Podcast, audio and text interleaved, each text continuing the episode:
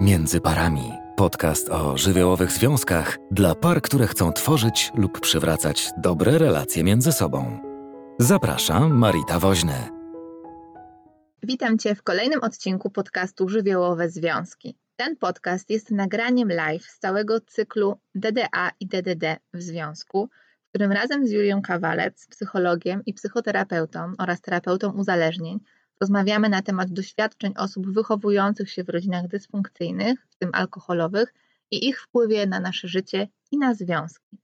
Ponieważ cykl cieszył się ogromnym zainteresowaniem, postanowiłam też udostępnić te nagrania właśnie w formie podcastu. I mam dla Ciebie też dobrą i złą wiadomość. Zacznę od tej złej. Materiały, o których rozmawiamy w podcaście, nie są już dostępne. Były one przygotowane dla uczestników na żywo, po to, by mogli w trakcie słuchania webinarów, live'ów zaglądać do siebie, do swojej przeszłości. Wiem, że wiele osób wraca do tych materiałów wielokrotnie i tu czas na dobrą informację. Temat jest na tyle szeroki i zawiły, że postanowiłam usiąść i zebrać wszystkie najważniejsze informacje o DDA i DDD, ale także na temat trudnego dzieciństwa. I razem z materiałami do samopomocy umieściłam je w jednym miejscu, po to, aby lepiej móc zrozumieć mechanizmy, które na nas wpływają, ale też z nich wychodzić. Co więcej, pokusiłam się o stworzenie ćwiczeń, które nigdy wcześniej nie były publikowane.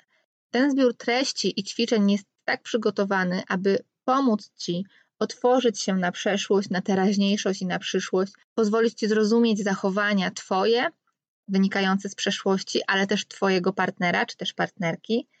I w ten oto sposób właśnie powstał e-book Jak poskładać się po trudnym dzieciństwie, który jest moim kompedium wiedzy na temat wpływu dzieciństwa na związki, ze szczególnym uwzględnieniem wiedzy o DDA i DDD, gdzie zamieściłam wszystko, co wiem o tej trudnej tematyce. Skoro słuchasz tej serii podcastów, to znaczy, że zależy Ci na poznaniu nieznanego o sobie i też o związku. Ten e-book będzie dla Ciebie przewodnikiem po tej krętej drodze i warto się w niego zaopatrzyć. Więcej informacji znajdziesz na stronie sklep międzyparami.pl. A teraz zapraszam Cię do posłuchania tego podcastu, a także kolejnych z tej serii. Jest ich w sumie pięć. Witajcie, witajcie na naszym ostatnim spotkaniu na temat e, uzdrawiania wewnętrznego dziecka. Jesteśmy z Julią rozradowane, dlatego że już e, praktycznie prawie nam się nie udało tutaj być, ale mam nadzieję, że technicznie nam wszystko zadziała i nic nas nie będzie stąd wyrzucać. Więc też trzymajcie kciuki. E, witamy te wszystkie osoby, które już tu z nami są i się witają. E, fajnie Was widzieć. Cieszymy się, że dotrwaliście też z nami do tego piątego spotkania. E, no i mamy takie, e, taki plan na dzisiejszy wieczór, żeby opowiedzieć właśnie o tym, kim jest to wewnętrzne dziecko, kim jest ten wewnętrzny jakiś dorosły, który gdzieś w nas jest, co się dzieje, kiedy nie dopuszczamy do głosu tego wewnętrznego dziecka, co się dzieje, kiedy wewnętrzne dziecko pojawia nam się w związku, jakoś nam się odzywa w jakiś sposób. E, no i będziemy chciały powiedzieć o chociaż kilku przykładowych e, technikach czy sposobach do tego, żeby mieć z tym wewnętrznym dzieckiem trochę lepszy kontakt. E, więc skoro już wiemy, o czym będzie dzisiaj, to jeszcze raz, po raz ostatni w tym cyklu przedstawię Julię Kawalec dla tych, którzy są pierwszy raz, choć mam wrażenie, że jednak tu widzimy się ze stałym gronem, bo sporo Was przychodzi na te spotkania ponad 300 osób prawie za każdym razem, więc bardzo dziękujemy e, za tą obecność. Julia Kowalec jest psychologiem, psychoterapeutą, e, terapeutą uzależnień, no i jest moim gościem e, i specjalistą, który pracuje właśnie z osobami DDA, chociaż też z innymi osobami również. Okej, okay. dobrze. No to słuchajcie, mamy też taką propozycję, e, mam nadzieję, że nam się to też uda zrealizować, żebyście też w trakcie zadawali pytania. Mamy nadzieję, że będzie trochę więcej czasu dzisiaj na te pytania niż e, poprzednio. Mm, no i co? Zaczniemy może od tego, w ogóle dajcie znać, znaczy, bo ja myślę sobie, że chyba wszyscy się spotkaliśmy z tą definicją wewnętrznego dziecka, ale może jest tak, że, że jakoś to jest niejasne, więc, e, więc może zaczniemy trochę od tego, co to w ogóle jest. Bo z jednej strony myślę, że w internecie jest mnóstwo informacji na ten temat, sporo jakichś artykułów, mnóstwo jakichś rzeczy można znaleźć, ale też y, myślę, że jak spotykam się w gabinecie przynajmniej z osobami, które mm, chcą pracować nad sobą, no to, y, to jednak jest tak, że nie zawsze ta mm, definicja, czyli czy ten, to stwierdzenie wewnętrzne dziecko jakoś jest znajome. Albo przynajmniej nie zawsze wiemy, że to jest to. Wiemy, że jest, istnieje takie pojęcie, ale nie zawsze mamy takie poczucie, że aha, no to o to w tym chodzi. Więc może jakoś tak słowem wstępu, Julia, gdybyś powiedziała, co to w ogóle jest, o co w tym chodzi. Tak. Witajcie wszyscy e, serdecznie. Jeszcze od siebie się przywitam. Cieszę się, że tutaj jestem już po raz ostatni raz w tym cyklu. E, także dzięki, że dotrwaliście. Dzięki Tobie, Marita, że my dotrwałyśmy, bo, bo my też tutaj e, ciężko pracujemy, żeby, żeby jak najlepiej dla Was te spotkania przebiegały. No i dzisiaj właśnie uzdrawianie wewnętrznego dziecka. Temat znowu rzeka i można by go było rozbić na pięć webinarów, ale staramy się jakąś taką pigułkę tutaj dla Was przygotować, więc Wewnętrzne dziecko. E, tak, ja, ja przede wszystkim, jakby jest dużo różnych koncepcji tam, gdzie to wewnętrzne dziecko się pojawia. Ja osobiście najbardziej sobie upodobałam to, czy jakby to, to w jaki sposób myśli o nim Bradshaw e, w książce Powrót do swojego wewnętrznego domu, klasyka, zawsze polecam tą książkę na początku mhm. E, swojej drogi rozwojowej pod tytuł Jak odzyskać i otoczyć opieką swoje wewnętrzne dziecko. E, no jakby w tej koncepcji e, z założenia to wewnętrzne dziecko jest skrzywdzone, więc też zależy jak o tym myślimy, bo można powiedzieć, że każdy z nas, czy to DDA, czy nie DDA, czy NDDD, czy DDD, mamy wewnętrzne dziecko, czyli taką część w nas, która mm, którą kiedyś byliśmy, tak jakby. Gdyby sobie wyobrazić, że cebula ma warstwy, ogry mają warstwy, człowiek ma warstwy, to ta pierwsza warstewka to jest to wewnętrzne dziecko, tak? No oczywiście e, dziecko w wieku 5 lat, 7, 10 i tak dalej. E, I e, ten, to, to, miejsce w nas, które jest, no właśnie, można powiedzieć, jak dziecko, czyli i radosne, i kruche, i spontaniczne, i uczuciowe, i takie jeszcze bardziej prawopółkulowe niż lewopółkulowe, czyli bardziej takie myślące, jakby czujące niż myślące. To jest ta cząstka w nas i każdy potencjalnie może mieć z nią kontakt. Natomiast ponieważ jesteśmy w cyklu DDA-DDD w związku i mówimy o uzdrowieniu wewnętrznego dziecka, więc dzisiaj będziemy bardziej myśleć o skrzywdzonym wewnętrznym dziecku, czyli takim, które doznało jakichś szkód, krzywd bądź deficytu w zaspokojeniu jakichś podstawowych potrzeb dziecięcych podstawowych potrzeb, czyli w zakresie albo bezpieczeństwa, bezpiecznej więzi, albo wolności, autonomii, czy też spontaniczności i zabawy, czy też ekspresji wolnej, czy kwestii granic, że nie dostało właściwych granic. E, I, e, no i właśnie, no i, i w zależności na jakim etapie miała miejsce ta krzywda czy jakiś deficyt, no to o tym wewnętrznym dziecku będziemy mówić. Współcześnie na przykład w, w tych podejściach Internal Family Systems, może już słyszeliście o wewnętrznej rodzinie, o takiej terapii wewnętrznej rodziny, mówi się o tym, że mamy wiele wewnętrznych dzieci. Często tutaj e, pewnie jak słuchacie jakichś może podcastów czy artykułów e, w kontekście DDA, DDD, mówi się o tym takim smutnym, skrzywdzonym dziecku, które jest niedokochane, niezaopiekowane, ale często mm, jakby możemy myśleć o tym, czy współcześnie myślimy o tym jeszcze szerzej, że mamy na przykład piątkę tych skrzywdzonych dzieci na różne sposoby. I warto, żebyście sobie dzisiaj zadali to pytanie właśnie, jakie jest to, na czym polegała krzywda mojego wewnętrznego dziecka, bo być może twoje pięcioletnie skrzywdzone wewnętrzne dziecko do, do, na przykład zostało, no nie wiem, zranione poprzez to, że ktoś je opuszczał regularnie, tak? Rodzic wyjeżdżał, nie wiem, zasmucał w jakiś sposób, ale no nie wiem, 14-letnie wewnętrzne dziecko, właściwie już wewnętrzny nastolatek, na przykład doznał krzywdy, bo mu ograniczano drastycznie wolność no to też jest jakaś cząstka nas. No w skrócie jest to część w nas, która, która jeszcze nie jest dorosła, czyli właśnie nie ma tych mhm. zasobów, e, które ma dorosły, czyli no nie wiem, wolność decydowania o sobie, tylko która jest e, bez, bez, bezbronna właśnie i w jakiś sposób skrzywdzona czy, czy ograniczona i do niej chcemy właśnie dotrzeć, ją chcemy uzdrawiać w terapii, czy tutaj chociażby poprzez taki, takie zyskiwanie wiedzy. W skrócie. Mhm. W skrócie, tak. Mm, ja też myślę, że nie, nie, wiem, jak Ty będziesz się posługiwała tym terminem tutaj, ale też dobrze, żebyście mm, może patrzyli na to, co będziemy mówić nie jako jedną prawdę objawioną, bo tych różnych y, definicji jest tak bardzo dużo, ale znowu jak jakąś drogę taką do skontaktowania się z taką częścią dziecięcą w sobie. Bo ja będę się odnosić do tych różnych definicji też, ale też trochę do tego, jak różne rzeczy sama modyfikuję na, na swoje jakoś potrzeby pracy.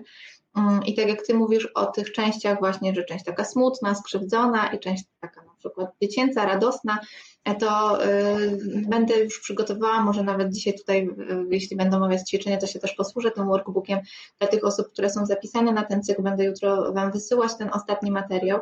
I tam też właśnie będę rozdzielała na to, y, na tą część taką skrzywdzoną i tą część, która też była dobra.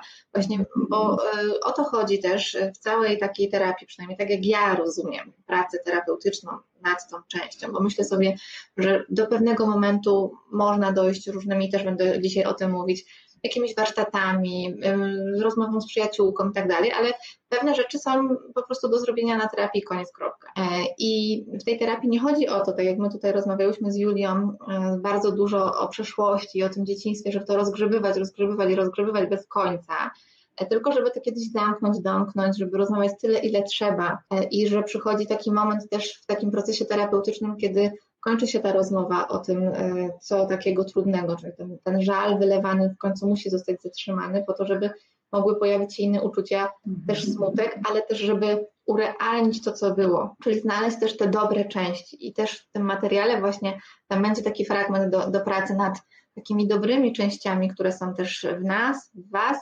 żeby tego poszukać, nie tylko tych zranień. Te zranienia są o tyle istotne, żeby właśnie znaleźć je, żeby y, umieć rozpoznać, kiedy nam się to odtwarza, kiedy ten schemat do nas przychodzi, żeby umieć go jakoś tam zatrzymać, pooglądać. E, kiedy stojąc przed koleżanką, przyjaciółką, szefem, e, partnerem, tak naprawdę jestem w realności, w kontakcie z nim i dzieje się coś rzeczywiście jakoś trudnego, ale moje emocje są albo nieadekwatne, albo, albo są na tyle silne, że mhm. właściwie można by poszukać tego, skąd ja to znam, e, kiedy mi się coś podobnego przytrafiło. I to nie jest proste, na pewno, bo to wymaga naprawdę wielu, wielu e, ćwiczeń, pracy, powiedziałabym tak naprawdę wielu lat pracy nad sobą. Jak myślę, ile lat ja pracuję nad sobą, to, e, to i tak to nie jest taki moment, w którym mogłabym powiedzieć, i myślę, że wyobrażam sobie, że nie ma takiego momentu w ogóle, że ktoś powie, ja już za każdym razem wiem co jest we mnie. E, tylko często trzeba się wesprzeć jeszcze innymi osobami, które są jakoś bezpieczne, tak? Czyli zdarza się, z kimś porozmawiać, z kim wiem, z kim, że mogę, żeby mi pomógł zrozumieć, co się ze mną dzieje, dlaczego takie silne emocje przeżywam. Więc to nie jest coś, co jest dane raz na zawsze, tylko coś, co możemy sobie wypracować, jakąś strategię, jakiś sposób myślenia, mhm. tak żebyśmy mogli rozumieć siebie bardziej i tak też y, całe trio webinarowe o wewnętrznym dziecku w dorosłym związku jest zbudowane, żeby bardziej siebie zrozumieć, bardziej partnera zrozumieć, ale cały ten styl przywiązania, więzi, y, te pierwotne, nasze schematy, one są do zmiany na terapii. Y, I tak, tak, tak by można było na to spojrzeć. Nie? Więc to jest istotne, żeby widzieć te dwie części, bo czasem jest tak, że jest zablokowany smutek albo złość, nie jesteśmy w stanie tego odblokować, a czasem jest zablokowana na przykład naturalna ekspresja dziecięca, czyli możliwość spontanicznego cieszenia się. To też jest ten kawałek wewnętrznego dziecka, które trochę o krzywdzie, ale jednak o takim pozytywnym aspekcie, e, tak? Pozytywnym w cudzysłowie, no bo trochę brzmi jakby ten smutek był negatywny, a jest to coś, co jest jakby przyjęte, ale no potocznie rozumiejąc, tak, te rzeczy, e, to, to myślę o tym, że właśnie też te rzeczy, które nam się kojarzą z czymś dobrym, są też do, do odkrywania. Tak, tak, dobrze, że o tym mówisz właśnie, bo, bo, bo też e, właśnie warto mówić o części szczęśliwego dziecka. Jak to nazywa, właśnie tu się często na niego powołujemy o, odnośnie schematów, trybem szczęśliwego dziecka, że jest w nas mhm. część, na ogół oczywiście zakładam, że znajdzie się tu osoba, która uzna, że nie było tam żadnego szczęścia w dzieciństwie, ale na ogół, jak dobrze się zastanowimy, to mieliśmy jakieś dobre momenty z kimś, chociażby z jedną osobą i to są nasze zasoby dzisiaj. To z tego, to jakby, jak to się mówi często, tego nam nikt nie odbierze i zawsze można do tego sięgnąć pamięcią. Mhm. Stefania Sztal, która też napisała tą książkę teraz modną Odkryj swoje wewnętrzne dziecko, ona mówi o dziecku słońca na przykład, to właśnie o takiej cząstce tej pozytywnej, dobrej, która jest naszym jak taki, no, no, no, właśnie, taki zasób, takie słońce, przy którym zawsze się można ogrzeć i to też jest ważne, bo też jak rozmawiałyśmy e, z Maritą, tutaj bardzo dużo mówimy o tej ciemnej stronie, tej, tej właśnie patologicznej, a, a w terapii i w ogóle w naszym przekazie chcemy, żeby też wybrzmiało, że można budować na zasobach, tak, i wynaleźć je, zna, e, tak, oprzeć się o nie, tak, e, żeby znaleźć to oparcie. No i właśnie, i, i, i tak jak mówisz, różne skrzywdzone części. Tutaj ja najczęściej oczywiście, znaczy to nie jest oczywiste, ale właśnie to dziecko samotne, skrzywdzone, czy jak wyróżnia porzucone, maltretowane, upokorzone czy zależne, ale też te mniej takie powiedzmy oczywiste, czyli rozzłoszczone dziecko, roszczeniowe dziecko, impulsywne i niezdyscyplinowane, to też mogą być takie cząstki w nas do uzdrowienia. Więc jakby jak myślimy dziecko, to nie tylko to biedne, które siedzi w szafie i płacze, tylko też takie, które nam może wychodzić na scenę osobowości i po prostu roznosić nam związek, tak? Albo, albo właśnie jakąś relację i tak jak mówisz, wtedy, kiedy jest to nieadekwatne, kiedy widzimy, że to jest zdecydowane przegięcie w tym momencie do sytuacji, to pewnie wyszło jakieś, któreś z naszych dzieci na, na mhm. scenę. Mhm. To też często jak na przykład osoby pracują nad swoją złością w relacji, y, ale indywidualnie nad nią na przykład pracują, no to y, wiedzą już, znają te techniki, y, że jakby generalnie takie mam wrażenie, że coś, czego nie da się zmienić w taki prosty sposób, który często jest karmiony na przykład wiedzą, tak? Czyli dużo wiemy, ale to się nie zmienia, albo znam te techniki, ale dalej jakoś nie mogę tego zastosować, to prawdopodobnie tam mhm. trzeba by sięgnąć skąd to jest? To jest takie moje ulubione pytanie właśnie, a jaką to sytuację przypomina, a skąd ty siebie znasz w tej sytuacji, czy, czy przypominasz sobie siebie w podobnej. najczęściej jak my jesteśmy bardzo poodcinani, no bo to by trzeba było wejść w to kolejne pytanie, a jeszcze nie chcę, ale to pytanie dotyczące tego, co się dzieje, kiedy to wewnętrzne dziecko jest zablokowane.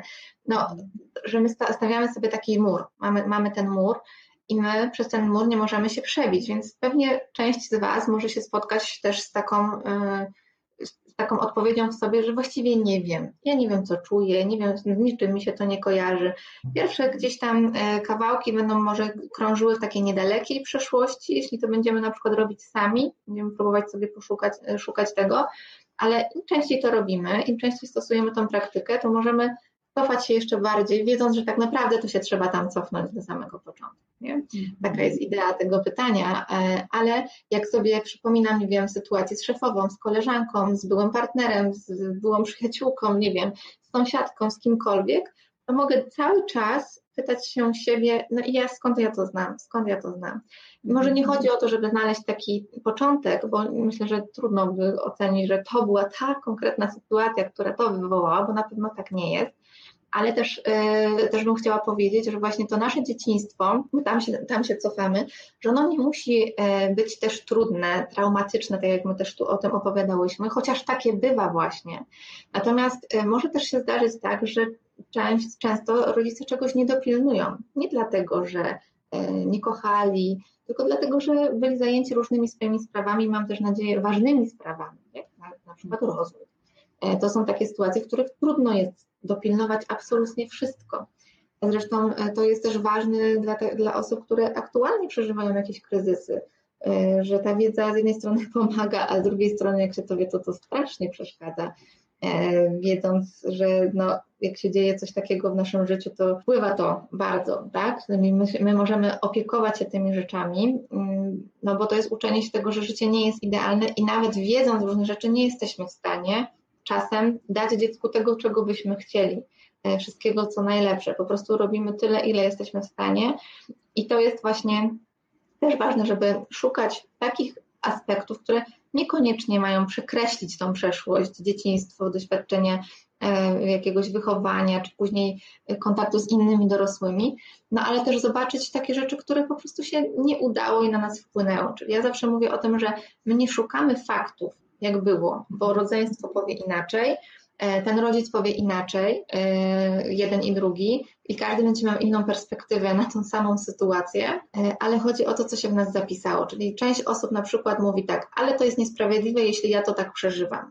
Nie? Teraz ocenię swoich rodziców, będę nielojalny, zdradzę ich, e, to jest nie w porządku, że ja tak myślę, ale po co mam to rozgrzebywać? To są te, te, takie mhm. obiekty się pojawiają. No to zwykle to jest ochronne, po to, żeby nie dotykać jednak tych emocji i to tak warto też, e, myślę, wiedzieć. Mhm. Mm, a czasami mamy w drugą stronę, nie? Dru drugą skrajność, która jest po prostu tak rozpędzona, że, że nie da się w tym zatrzymać. Mm, natomiast y, część osób też mówi, no ale czy jeśli ja to czuję, to czy to jest prawdziwe? No bo y, to takie filozoficzne jest pytanie, ale zawsze mnie, zawsze ono jest, no takie ciekawe jest, y, tak, jak się to dzieje, dzieje ten proces w tym człowieku, że on mówi tak, że mm, no okej, okay, zakładam, że ja tak czuję, no ale co jeśli źle czuję? A jeśli tak nie było, a jeśli sobie wymyślam tą historię i wcale tak nie jest, to tak naprawdę mógłbym czuć coś innego, prawda? Mhm. E, no bo jeśli fakty były inne, bo gdyby tak wezwać detektywa, który by sprawdził, jak było, to może się okaże, że ja się kopię w czymś, co wcale nie miało miejsca. Mhm. No i właśnie nie chodzi o to, żeby e, szukać tego, jak było naprawdę, tylko tego, jak ja przeżywam tą sytuację. Żeby mhm. właśnie te różne uczucia, które w nas są, a wtedy nie wybrzmiały, Wtedy nie było kogoś, kto się mógł nad tym pochylić, porozmawiać z nami, nazwać nam te emocje, czyli zrobić najprostszą rzecz, a zarazem najtrudniejszą. E, często pacjenci mówią, do mnie nikt tak nie mówi, ja nie miałam pojęcia, że ja mogę tak do siebie mówić. Przecież są tak banalne rzeczy, ale nie przychodzą nam do głowy, bo nie są w nas właśnie zapisane. Mhm. I żeby jednak ufać sobie, taką mam myśl, i pozwalać sobie na te różne uczucia, zwłaszcza jak są niewygodne, i sprawdzać, co mi to robi, a jak mam którąś z tych myśli takich zaprzeczających, to mogę sobie sprawdzać, po co mi to jest, po co ja mhm. temu zaprzeczam, do czego, do czego mi to jest to zaprzeczenie, żeby czego mhm. nie czuć, czego nie przeżywać, czego nie doświadczać kogo ochronić w tym? Tak, e, to, to dobre pytanie właśnie, czy ja dobrze czuję, ja też to często słyszę i mało tego, bardzo często jak już jesteśmy dorośli, to ludzie nam właśnie nieraz, jak my się zachowujemy właśnie bardzo jakoś emocjonalnie, to ludzie potrafią nam powiedzieć, no nie przesadzaj, tak, albo przecież nic takiego się nie wydarzyło, albo no, no tak, no że źle czujesz, tak, albo jedna pacjentka mi powiedziała właśnie, no mój partner mówi że cały czas, że ja jestem toksyczna, bo ja źle czuję, w sensie ja reaguję nieadekwatnie zupełnie i ja jestem w stanie uwierzyć, że ona tak reaguje, ale i teraz właśnie e, tutaj możemy rozpocząć pracę z wewnętrznym dzieckiem, to znaczy gdzie się tak czułaś, gdzie, tak jak powiedziałaś, ten taki, i pewnie będziemy jeszcze mówić, ten most do przeszłości, gdzie,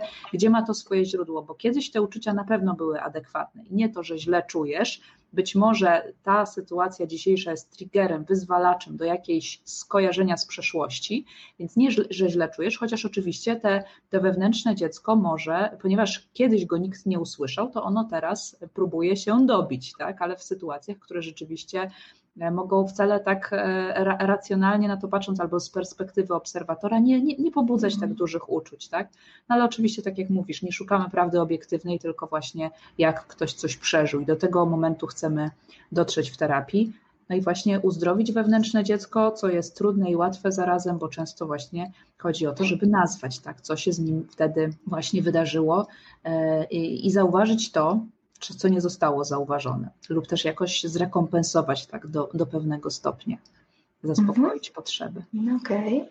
Mm, myślę, że żeby poczuć też ten klimat, to pewnie więcej będzie się działo przy tych technikach, które gdzieś tam na końcu będziemy mówiły, e, ale żeby mieć takie pojęcie teoretyczne o tych różnych kawałkach, to mm, przeszłabym do wewnętrznego takiego e, naszych różnych stanów, ale też się spotykamy w literaturze właśnie z stwierdzeniem, że mamy albo dorosłego, albo dziecko, tak, to co ty mówiłaś, że są te różne obszary w nas związane z różnymi emocjami, tak, czyli żebyśmy trochę powiedziały e, za moment o tym e, dorosłym, ale przeszłabym jeszcze do czatu, e, żeby tutaj już mm się te pytania nie zgubiły, mm, bo tu się pojawiło takie pytanie, że ktoś chciałby zapytać o alienację rodzicielską, to możecie pytać, bo ja rozumiem, że być może w kontekście wewnętrznego dziecka o tą alienację rodzicielską jest jakieś pytanie, a jak nie, e, tylko tak ogólnie to odsyłam do całej konferencji Rozwód i co dalej, która jest na YouTubie na Między Parami i tam jest bardzo dużo o alienacji rodzicielskiej e, opowiedziane. Mm, myślę, że coś dla siebie znajdziecie. E, przy okazji też prosimy, tak jak ostatnio, żeby jeśli możecie, udostępnijcie ten live, żeby więcej osób mogło się dowiedzieć, dołączyć tutaj do naszego spotkania. Będziemy bardzo wdzięczne. I tu się pojawia pytanie tak, jak pracować z wewnętrznym dzieckiem i cofać się do przeszłości i skąd to mam, w przypadku, gdy wspomnienia z dzieciństwa są mocno zatarte w pamięci. Mhm, mhm. No właśnie, czy no bo to jest takie pytanie właśnie, na, na, które chyba trochę chcemy przez te techniki odpowiedzieć. Może, y, może tylko y, powiem w skrócie, tak, a potem powiemy na końcu więcej, jak, jak podamy kilka przykładów. E, to, to jest też bardzo to, co tutaj ta osoba y, to, to, co mm, przytoczyłaś, że, że często wspomnienia są zatarte, to bardzo popularna sprawa, zwłaszcza kiedy one są trudne i dziecko na przykład się zdysocjowało od nich, czyli się odłączyło emocjonalnie, tak, żeby móc to przetrwać.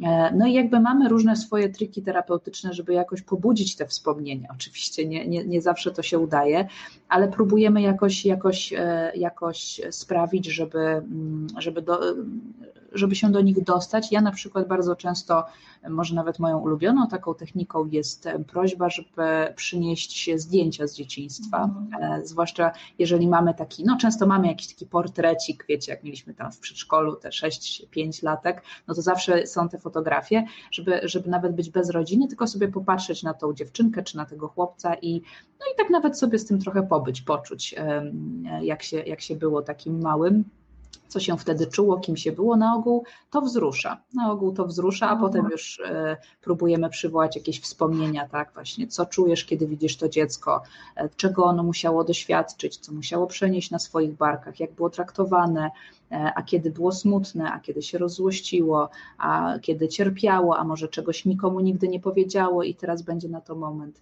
Można też przymknąć oczy, żeby jeszcze bardziej się ze sobą skontaktować. I, no a i potem odpalamy nasze techniki, o których powiemy na końcu, więc zostańcie do, do końca.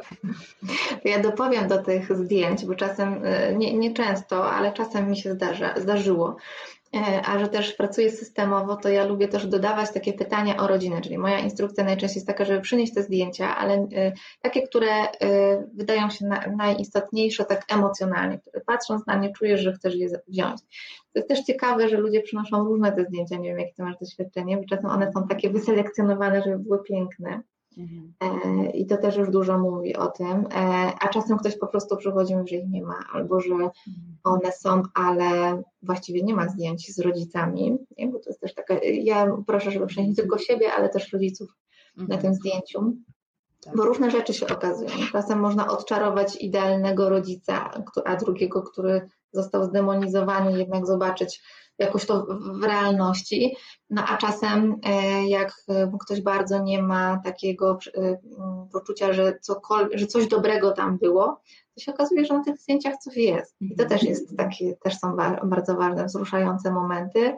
I to zobaczenie właśnie, jak ci rodzice wyglądają, czy oni są zapatrzeni w siebie, czy się kochają, jak na, jak na siebie patrzą, jak, e, jak w ogóle te zdjęcia wyglądają, czy oni są szczęśliwi, czy nie są szczęśliwi. No i cała tutaj po prostu tak.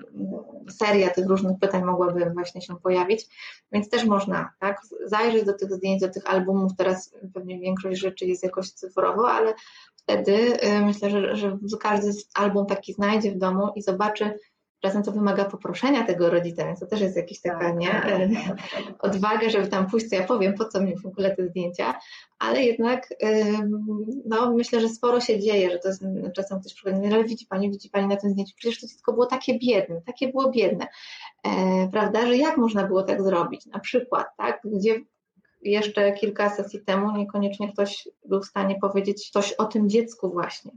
Nie? Więc jakby patrzenie na, na to wyzwala mnóstwo emocji i czasem łatwiej jest powiedzieć nie o sobie, tylko trochę jakby o sobie, ale o osobie trzeciej, czyli że ono to dziecko, tak? Czyli trochę wyciągnięcie, tak, tak zwana eksternalizacja czasem tego objawu, wyciągnięcie tego z zewnątrz, też o tym myślę, że powiemy jeszcze później mhm. trochę, trochę więcej. Mhm. Tu jest pytanie jeszcze, czy na własnej terapii największe efekty ma się, jak przypracowuje się dzieciństwo i uzdrawia wewnętrzne dziecko?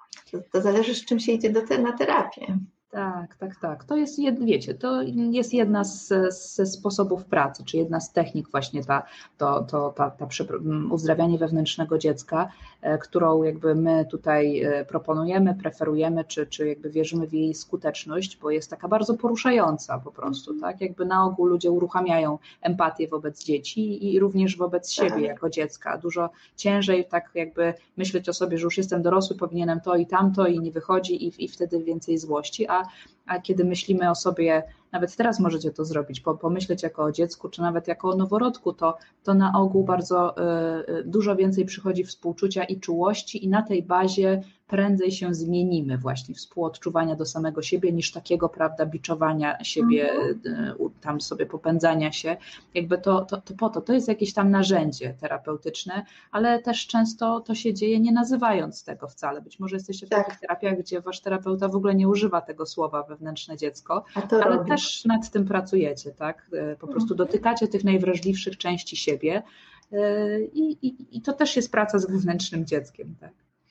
Tak, to też jak osoby pytają o to, jaką formę terapii wybrać, to też ja uważam, że w każdej terapii się dotyka tych kawałków, mniej i mhm. mocniej e, związanych z przeszłością e, i my się posługujemy różnymi e, terminami, jakby mhm. teorią, ale im dłużej ja pracuję, tym wrażenie mam, że to jest zbieżne, tylko nazwy są tak. różne.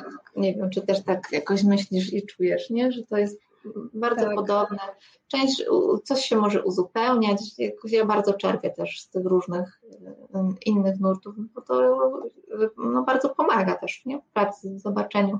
Czasem jak się człowiek oswoi w jakichś rzeczach, to zobaczyć to trochę od innej strony, więc więc to terminologia często też jest po prostu, nie? Zdecydowanie tak i, i nawet jeżeli ma, mamy jakąś terapię, nie wiem, tańcem i ruchem albo, prawda, jakąś gestalt, nie, że, że pracujemy właśnie tak e, ciałem czy, czy, czy metaforą, też dotkniemy jakiejś wrażliwej cząstki.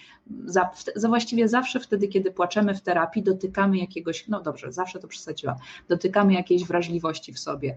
Mhm. Więc e, no i wtedy jest szansa na to, żeby terapeuta zareagował inaczej niż zareagowałby na przykład nasz rodzic, który by na przykład nam na to nie pozwolił albo by powiedział przestań się mazać, a terapeuta na ogół powie, będzie się cieszył, że się właśnie pojawiły te łzy, e, bo to znak, że jesteśmy wtedy blisko siebie i, i właśnie mm, uzdrawiamy w ten sposób, bo no, po prostu e, jesteśmy wolni w swojej ekspresji, tak potrzebujemy wyrzucić coś z siebie. Mhm. No i też na jednych terapiach, jak wspomniałaś, na przykład Gestalt będzie się posługiwać różnymi atrybutami czasami, nie? E, czy, czy będzie bardzo na tu i teraz, czy to będzie żywe, czy to puste krzesło będzie się siedziało jakby naprzeciwko wyobrażonego rodzica, nie wiem, na, na terapii, nie wiem, bardziej takiej psychodynamicznej będzie się raczej to e, o tym rozmawiać, e, nie będzie się używać różnych gadżetów, ale tak naprawdę to jest inna technika, nie? Ja to tak rozumiem. Innymi technikami dochodzimy do do podobnych, yy, podobnych rzeczy. Okej, okay. czy coś tu ominęłam? Aha, to tylko chciałam przeczytać, bo tak jak opowiadałaś właśnie o tym, że do dzieci mamy więcej empatii, takiej wrażliwości niż do siebie, to też to ktoś napisał, że ostatnio pracuję nad swoim wewnętrznym dzieckiem i stwierdziłam, że będę mówiła do niego tak, jakbym mówiła do własnego syna. Gdyby on mi powiedział, że czegoś się boi, co bym mu wtedy powiedziała? No to mamy kolejną technikę, dzięki Monika, bo to jest dokładnie to, co też gdzieś, gdzieś tam później e, pewnie by się pojawiło, bo ja myślę, że właśnie, że to też czasami zapytanie e, samej siebie, mm, a jak ja bym to powiedziała e, przyjacielowi, albo jakbym to powiedziała dziecku, albo czasem wyciągnięcie, no okej, okay, to, to ty czujesz, a teraz pomyśl o, o, sobie małej, tak? Czyli mała Julko, tak? Jak się mała Julka tam tam czuła na przykład, tak, to też już jest trochę inaczej, bo już mamy ten obraz w, w głowie, możemy trochę inaczej o sobie myśleć jak o osobie trzeciej, więc y, też y, możemy się siebie pytać, czy tak jak do siebie mówię, to bym powiedziała do najlepszego przyjaciela w ten sposób podobnej sytuacji. Najczęściej jest odpowiedź nie. No to skąd to jest? To czyj to jest głos? No ale właśnie, to już są to już kawałki tak. tych, tych różnych rzeczy. Mm. Bardzo fajnie, że to wiecie, że, że, że ktoś, to, ktoś to już stosuje. Ja też, ja też to bardzo lubię. To jest często takie krępujące trochę dla ludzi właśnie, żeby powiedzieć do siebie tak czule, ale jak już puści ta tama, to rzeczywiście jest to bardzo takie, no właśnie taki czuły, dobry moment no, najpierw trzeba właśnie zbudować kawałek tego dorosłego, o którym e, powiemy, tak? Właśnie przywołać jakiegoś siebie empatycznego. No często ludzie jak mają dzieci, to, to są do nich empatyczni, nie zawsze, ale, ale bywają i na bazie tego możemy zaczerpnąć, że tak jakbyś właśnie mówiła do swojego syna, powiedz do siebie, a jak lubiłaś, jak się zdrabniało twoje imię, a może jakiś dobry dorosły kiedyś mówił do ciebie jakoś tam słoneczko, tak? I to, to ci się tak kojarzy jakoś bardzo dobrze, to właśnie tak do siebie powiedz. No i na ogół wchodzi zaraz jakiś krytyk wewnętrzny, czy wewnętrzny yy, karzący rodzic, który by chciał to zbojkotować, no ale mhm jesteś, jak jest się przy terapeucie, no to terapeuta ma szansę też tak. E, zaprotestować, odratować tą sytuację. Mhm. podsumowując tylko te, ten wątek terapeutyczny, e, chociaż to mówiłyśmy, ale żeby to wybrzmiało, też widzę, że się pojawiają te pytania, więc nie będę indywidualnie na nie odpowiadać, bo one się powtarzają. Mhm. E, a propos tego, jaką tą terapię wybrać, nie? że ja uważam, że fajnie jest sobie pójść do terapeuty i zobaczyć, jak to wygląda i zobaczyć, jak się czuje w tym kontakcie. Mhm. Nie? Czyli e, czasem potrzeba głębszej pracy, e, a czasem potrzeba e, pracy, która nie dotyka aż tam bardzo tak głęboko, więc, więc można sobie zobaczyć, czego my tak naprawdę potrzebujemy, to jest po pierwsze, a po drugie, jak my się czujemy z tym terapeutą, z którym siedzimy naprzeciwko, czy ja chcę z nim pracować, czy ja mu ufam. Oczywiście tam trzeba wziąć pod uwagę to, że może być tak, że pójdę do pięciu i żadnemu nie ufam, ale tak naprawdę nie wynika to z tego, że to z tym terapeutą e, coś się dzieje, tylko że to ze mną się coś dzieje i z mhm. moim zaufaniem, z moją trudnością, nie? Do, do, jeśli chodzi o zaufanie. Więc, ale generalnie mam się czuć dobrze, tak? E, I czuć, że jest tam jakiś taki kontakt, takie no, dobre emocje. Trudno to jakoś tak. opisać słowami, ale myślę sobie, że to jest, to się czuje po prostu. E, więc, więc tak, dobrze, żeby nam się terapeuta y, na przykład dobrze kojarzył, bo czasami to jest kwestia zwykłych skojarzeń, że po prostu ktoś y, nam tak. się kiepsko kojarzy, bo nam no właśnie na przykład przypomina naszą matkę albo ojca i nie, ten terapeuta już nie uratuje tego, że, że tak, tak wygląda albo ma taki ton głosu, mhm. więc, więc to, nawet to jest ważne i jakby żaden terapeuta się nie obrazi, jeżeli E, albo nie przynajmniej nie powinien, jeżeli właśnie z takiego powodu chociażby właśnie zaufać swoim uczuciom, zaufać tam, e, nie, nie, nie kwestionować tego, jak jest, jak jest dobrze, to jest dobrze. Jest taka chemia czasami relacyjna, że po prostu to działa i mhm. tyle. Już.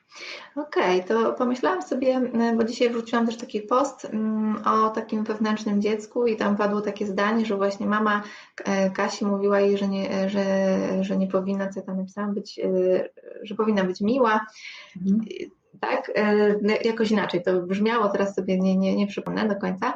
E, w każdym razie pomyślałam sobie o tym, że właśnie mamy takie zdania, bo tam się też pojawiła dyskusja i te różne zdania też e, wpisywały niektóre osoby, więc pomyślałam sobie, na ile wy pamiętacie takie zdania, które są właśnie jakby z tego poziomu wewnętrznego dziecka, czyli takie zdania, które jak myślicie sobie o swoim dzieciństwie, wam się przypominają.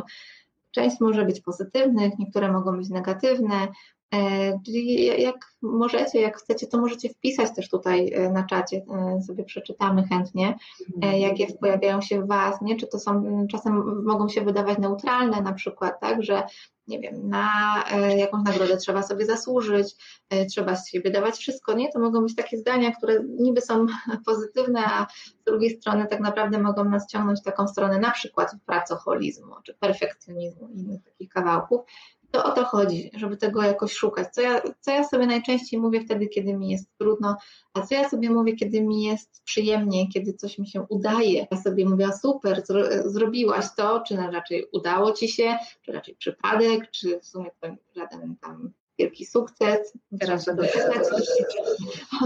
teraz będą ci zazdrościć, uważaj, nie dziel się z innymi e, swoimi rzeczami, nie mów, czego potrzebujesz, e, nie mów co ty chcesz zrobić, bo przecież jak ci nie wyjdzie, to przecież to wstyd, no i tak dalej, i tak dalej, więc mm, o, masz za dobrze, ktoś pisze, to też, tak? To, nie narzekaj, tak, trzeba, ci trzeba. Tak, tak się dla Ciebie staramy i tak dalej, i tak dalej. Więc myślę, że, że możecie wpisać na czacie, jakie to są zdania, które przychodzą Wam do głowy. E, a później, jak ktoś jest zapisany na cykl, to w tych materiałach będzie mógł też sobie te zdania wykorzystać. No ale to tu będziemy sobie patrzeć na te zdania wewnętrznego dziecka. A Julia, gdybyś powiedziała trochę o mm, dorosłym, tak? Czyli ten dojrzały, zdrowy dorosły, który gdzieś tam, jak go w ogóle, co to jest, jak, jak go jakoś tam odszukać, sobie myślę, że też przy tych zdaniach, które się będą pojawiać, możemy się potem odnosić, co, co mógłby ten dorosły powiedzieć, tak, takiemu, zdradzając trochę, że to trochę tak przebiega, żeby sobie odnaleźć tego dorosłego empatycznego. Tak, e, no może na, zanim, zanim dorosły, to jest jeszcze rodzic, coś takiego, tak, mhm. i wiecie, na początku jest dziecko i rodzic, jakby nie ma środka, ten środek się będzie tworzył, właśnie środkiem będzie dorosły. I w, w podejściu, w którym ja pracuję, mówimy o, mamy taki termin kształty relacji, że zapisał się w nas jakiś kształt relacji. Kiedy my byliśmy dziećmi i na przykład dziećmi smutnymi, to nasz rodzic w jakiś sposób reagował na ten smutek. Na przykład wtedy na nas wrzeszczał, bo nie mógł tego wytrzymać. Więc mamy kształt relacji. Kiedy moje wewnętrzne dziecko się smuci, mój rodzic wrzeszczy. No a potem mamy to w swoim środku. Czyli kiedy zaczynam płakać, jednocześnie się wkurzam na siebie i nie wiem, wycieram łzy i przepraszam ludzi, że jestem taka e, rozklejona w tym momencie, tak? I już mój rodzic wtedy we mnie pracuje i mnie tam tłamsi, tak? Przestań beczeć, tak? Po prostu y, jak to wygląda?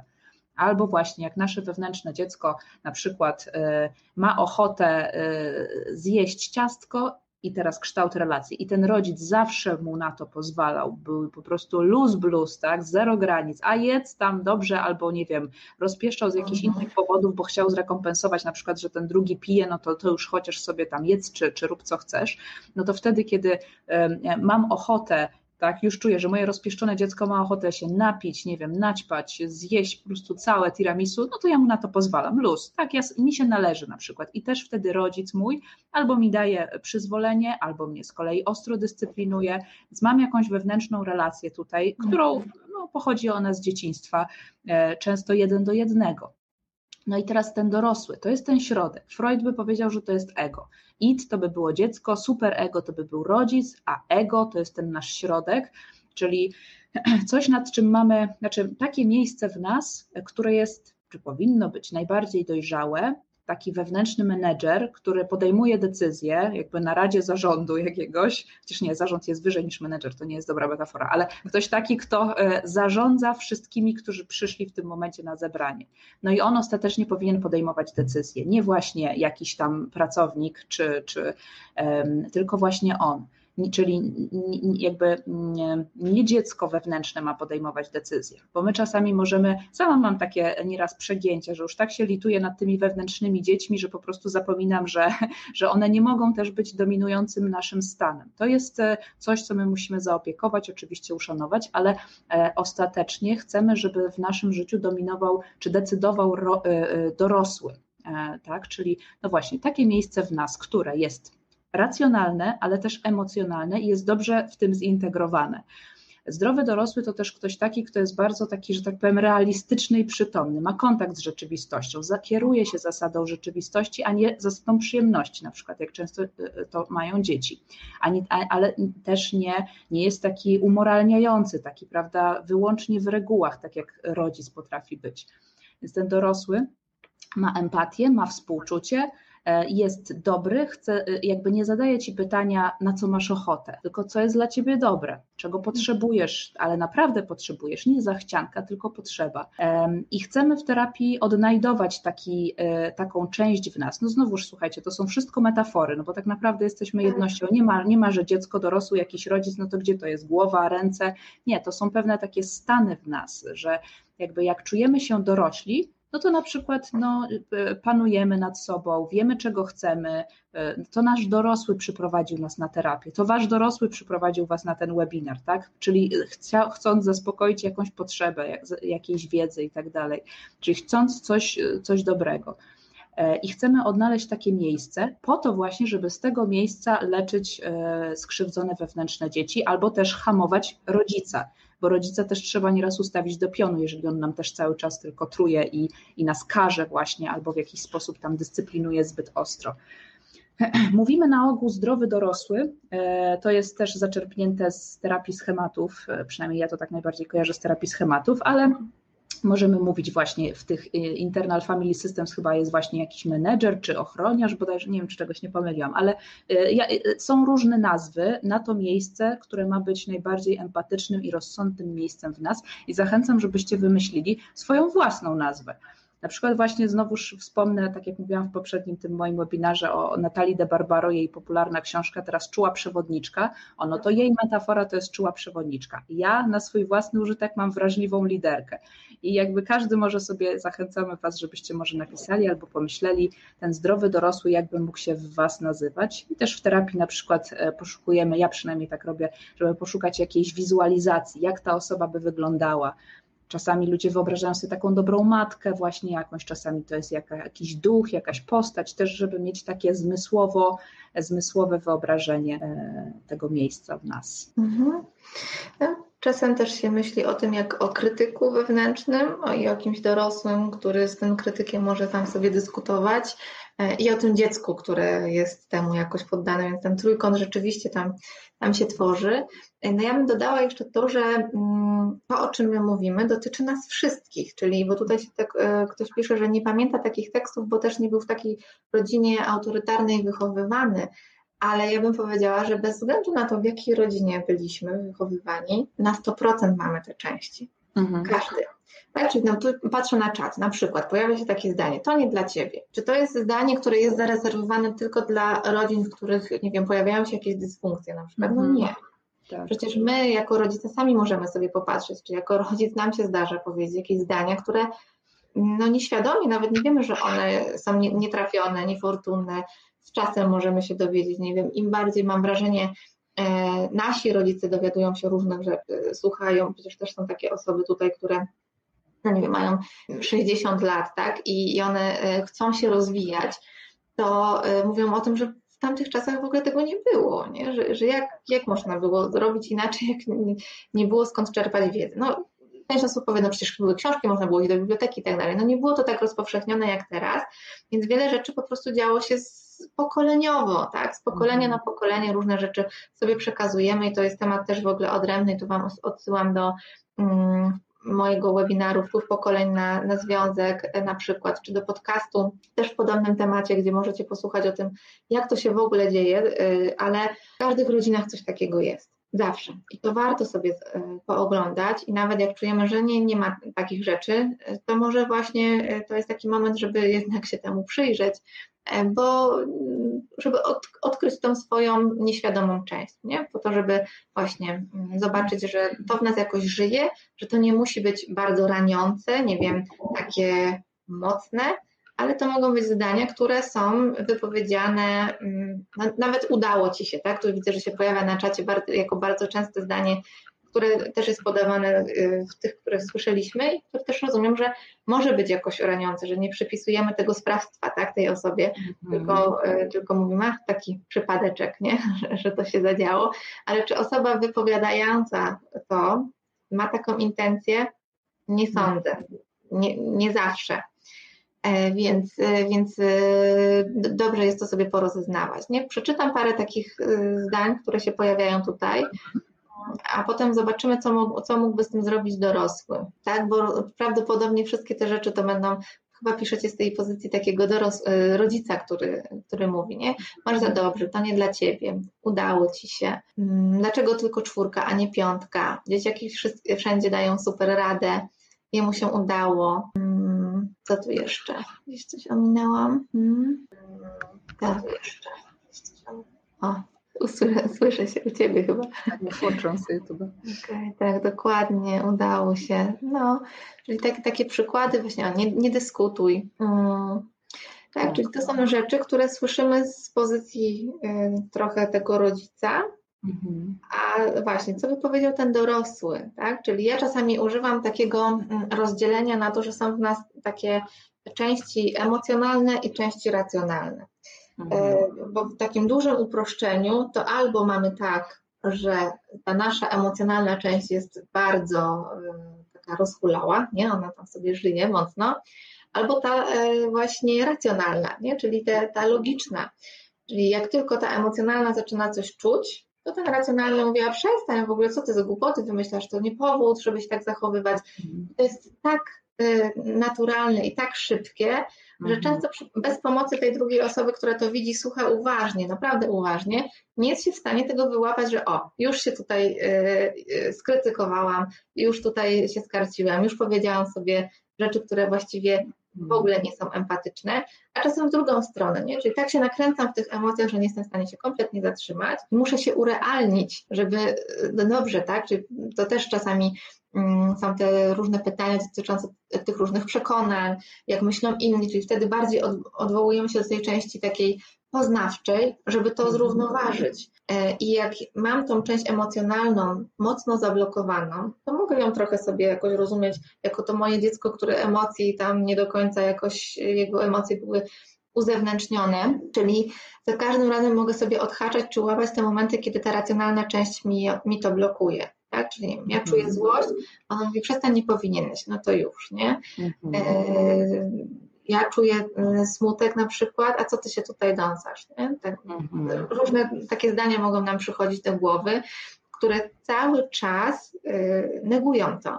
A właściwie Mhm. właśnie chodzi o to, żeby ten dorosły, dojrzały, empatyczny dorosły był w stanie y, powiedzieć sobie, masz prawo, możesz tak Mhm. czuć, to jest okej. Zobaczcie, to są takie proste zdania, bardzo proste, a jak trudno jest nam sobie je w ogóle e, przypomnieć. E, Też sobie wyobrażam, też pada czasami taki argument, że jak się jest w silnych emocjach, to się nie będzie w stanie tego zrobić.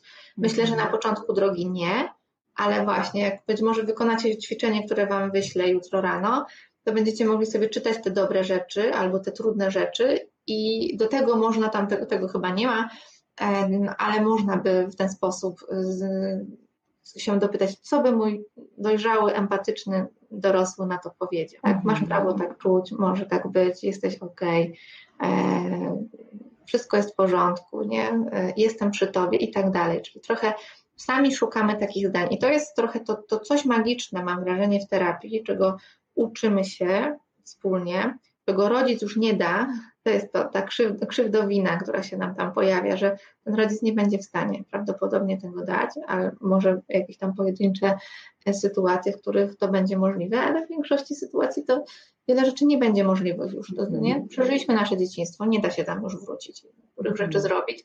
No i na tym to polega, że to jest takie karmiące i to się dzieje na jakimś takim magicznym, mam wrażenie, czasem poziomie, że samo to, że się siedzi z tą drugą osobą, autentycznie przeżywa te emocje, dzieli się nimi i to, że, że czasem terapeuta mówi właśnie trochę z pozycji tego dojrzałego, empatycznego e, dorosłego, to nawet jak to mówi nie jako on e, do tej osoby, e, tak, bo się zwykle terapeuta nie dzieli swoimi przeżyciami, ale trochę to, co mógłby taki dorosły, dojrzały powiedzieć, to to Mhm. działa, to karmi, nie? wywołuje mnóstwo wzruszenia, takiego poruszenia, oczyszczenia. No, dzieje się bardzo, bardzo dużo e, w środku emocji i my sami też to możemy robić, bo efekt terapii też jest taki, że mm, po terapii ten głos staje się nasz, czyli przez pewien czas trochę jakbyśmy tego terapeutę, e, słyszałeś swojego terapeutę na ramieniu?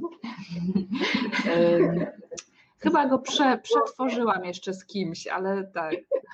Nie, czasem ktoś mnie, że tu, tu mi pani siedzi na ramieniu, tutaj w głowie mm, gdzieś e, słyszę ten, ten głos, a potem on się staje nasz, taki wewnątrz, czyli już, już nie potrzebujemy tej figury, którą mamy wyobrażoną, tylko potrafimy różne rzeczy sobie sami powiedzieć. Nie? Czyli nasz, uwewnętrzniło się to, tak to na, nazywamy ładnie. Tak, tak.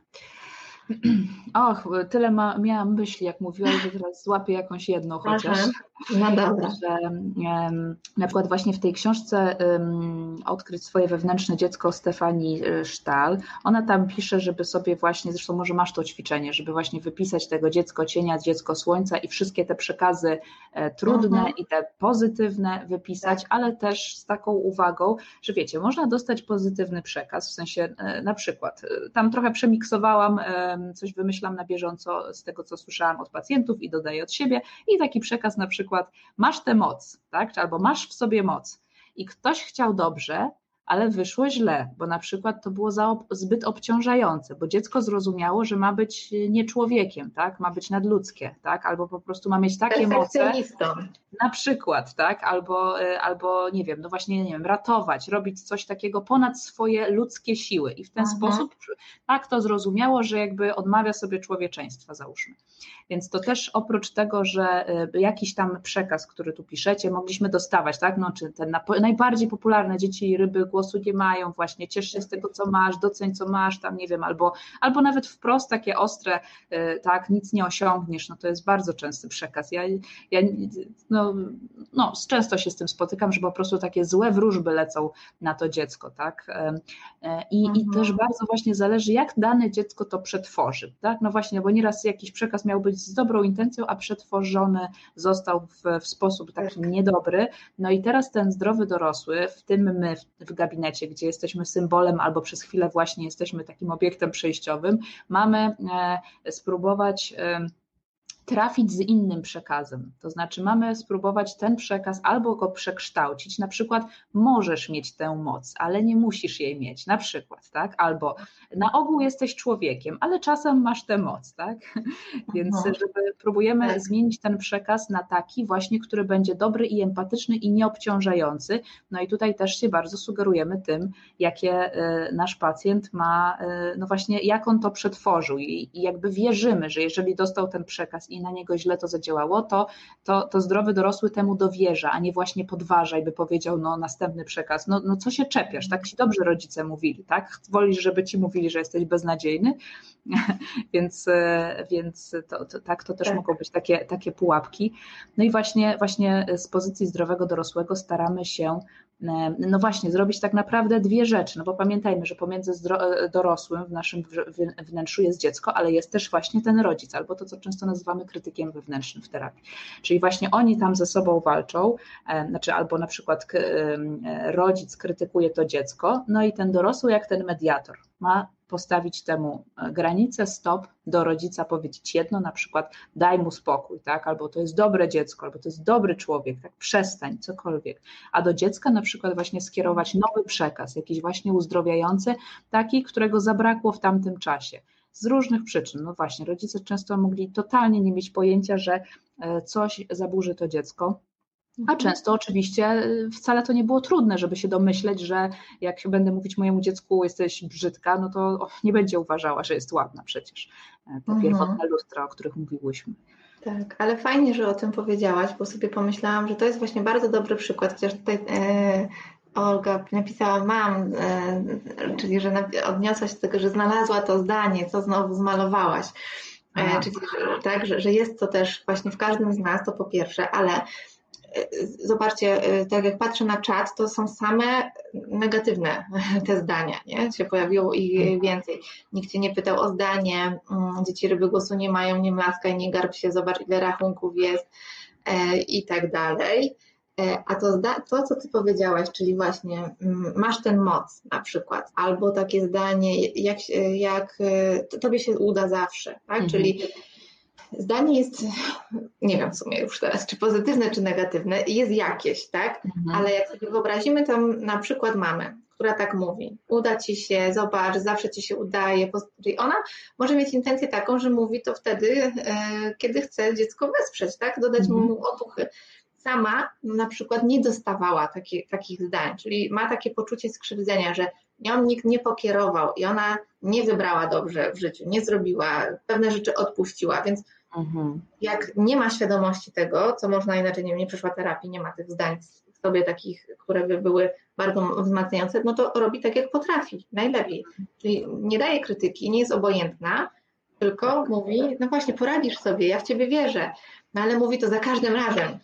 Mhm. Tak? Czyli czyli w pewnym momencie to dziecko, które to odbiera, no to przekształca to na swój obraz, swoje przeżycie, czyli jest, zaczyna, przestaje ufać, czyli aha, ty mi mówisz, że za każdym razem sobie poradzę, to to jest bez sensu, jak ty mi to mówisz. Mhm. Bo tak naprawdę nie czuję twojej szczerości, nie? że do pewnego momentu mogę czuć, że we mnie wierzysz, ale w pewnym momencie orientuję się, że być może ty właściwie tak we mnie wierzysz, że chciałabyś, żeby ktoś w ciebie tak uwierzył, nie? Jak na terapii można albo, że ja nie, albo, że ja nie mam prawa do tego, żeby mi się nie udało. Tak? Żeby mi się nie udało, tak, właśnie, nie? Czyli i co jak mi się nie uda, e, to co ja będę przeżywać, czyli y, to, co sobie mówiliśmy, że próbujemy zadowalać rodziców, czyli nie tylko wtedy, kiedy to jest takie e, toksyczne, Mhm. Tylko takie dziecko może sobie myśleć, aha, czyli mama chce, żeby mi się udało, w związku z tym staram się, staram, staram, staram, staram, aż w końcu tak naprawdę padam, tak, ze zmęczenia, ale robię wszystko, żeby ją zadowolić i tworzy mi się obraz w głowie, że ja muszę nie wiadomo co, bo gdyby zapytać tego rodzica, on ma zupełnie inną narrację tej sytuacji. Nie? I to jest taki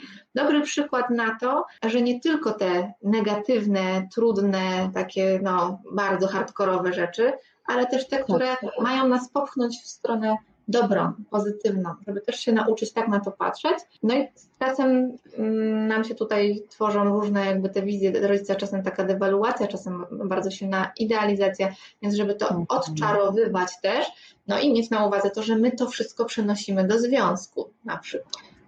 No tak? właśnie, tak, tak. E, a jeszcze jedną miałam myśl, jak mówiłaś. Mm, mhm. Ach, kurczę. Dobra, zaraz się przypomni, ale jeszcze druga, że właśnie wiecie, często też rodzic wcale nie musi tego mówić, tak? To e, mhm. my nieraz wcale nie odbieramy żadnych komunikatów wprost. My to potem odkodowujemy, bo wiecie, dzieci się uczą przez e, modelowanie, patrzenie, jak ten rodzic, jaki on ma na ogół do mnie stosunek. Ja też często w terapii proponuję takie ćwiczenie właśnie, żeby ustawić tą rodzinę laleczkami jakimiś tam i, e, i na przykład właśnie pokaż, gdzie jest mama, gdzie jest tata i jak uważasz, jak tak na czucie, jaki był przekaz po prostu od Twojej mamy do, do, do, do Ciebie. Taki generalny, w ogóle na całe życie. No I na przykład można odkryć właśnie, no, weźmy już tą moc, masz tę moc, tak? Chociaż wcale nigdy nie powiedziała tego wprost, ale swoim życiem na przykład pokazywała, że nie toleruje porażek, albo że po prostu jest taką petardą życiową, że zawsze musi być sukces za sukcesem. Nie musiała tak. tego mówić dziecku, ale widać było, że marzyła o tym, żeby po prostu to był ktoś, żeby to był, nie wiem, albo ktoś, kto przedłuża ją i jest też takim, prawda, taką gwiazdeczką, albo to musi być człowiek sukcesu, to musi być ktoś właśnie wyjątkowy. Nie ma takiej patologii, o jakiej mówiłyśmy tutaj dużo, że po prostu ta całkowita dewaluacja i niszczenie poczucia własnej wartości, tylko takie marzenie, żeby to dziecko było wspaniałe, idealne, i tam świeciło jej blaskiem i wcale nie musiała tego mówić wprost. Też możecie o tym pomyśleć tak, że może nic wam się nie przypomina tak, żeby ktoś po prostu mówił, ty się zamknij gówniarzu, nie pytam cię o zdanie, ale właśnie na przykład taki, e, takie bardziej pokazanie swoją postawą. E, tak, i to też, też potrzebujemy odkodować, a potem nasz zdrowy dorosły z terapeutą nad tym pracują, żeby odczarować tak. ten przekaz i żeby był bardziej łagodny, empatyczny. Mhm. Czyli na przykład też mi się pojawia w głowie taka sytuacja, że nawet rodzic mówi: Słuchaj, odpocznij, nie musisz się tak starać, możesz, nie musisz być najlepsza, a sam prezentuje postawy osoby, która nie odpuszcza. Ciągle gotowa do akcji, ciągle najlepsza, e, starająca się, nawet jak nie najlepsza, to jednak w takim działaniu i ta praca jest jakoś istotna i ten przekaz prawdopodobnie będzie silniejszy, nie? bo dziecko wyczuje po prostu to, że tu jest jakaś kompletnie niespójność i się cieszę, że też o tym mówimy, bo myślę sobie, że nam się też udało dotknąć właśnie mm, takiego kawałka, który dotyczy tego e, wszystkiego, o czym mówiliśmy w kontekście DDA, DDD, mhm. a nie jest kojarzony, myślę, z tak właśnie z tym.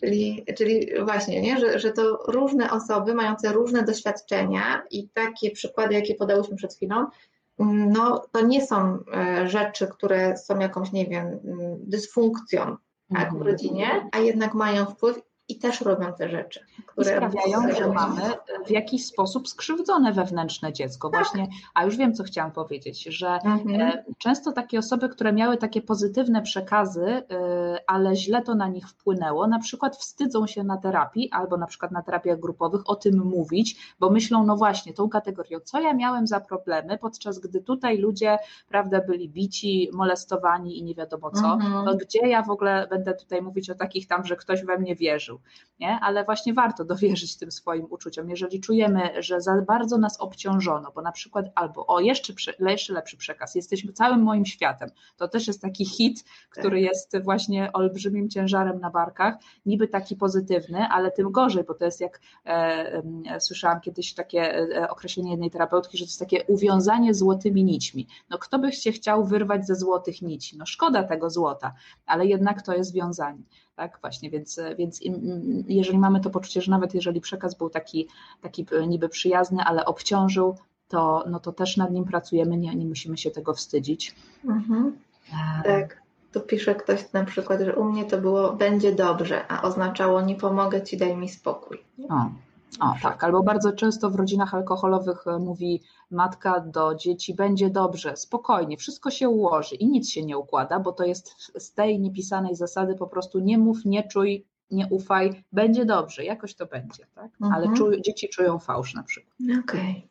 No to też myślę, że trochę odpowiadamy tym samym na to pytanie właśnie, co się dzieje, jak to wewnętrzne dziecko nie jest dopuszczone do głosu, nie? że mamy tyle różnych blokad, mamy tyle różnych schematów, przekonań, e, mur, jeśli chodzi o czucie, to się też w nas dzieje, jesteśmy poodcinani, w zaprzeczeniu, w wyparciu których aspektów. E, ciężko jest nam się tam dokopać. Myślę sobie, ja też lubię taką metaforę muru właśnie, nie? że mamy ten mur, ktoś nam zbudował go, albo w ogóle jakiś taki pancerz, czy taką fasadę z tego muru i że trochę na terapii to się dzieje tak, że ściągamy na przykład cegiełkę jedną, nie?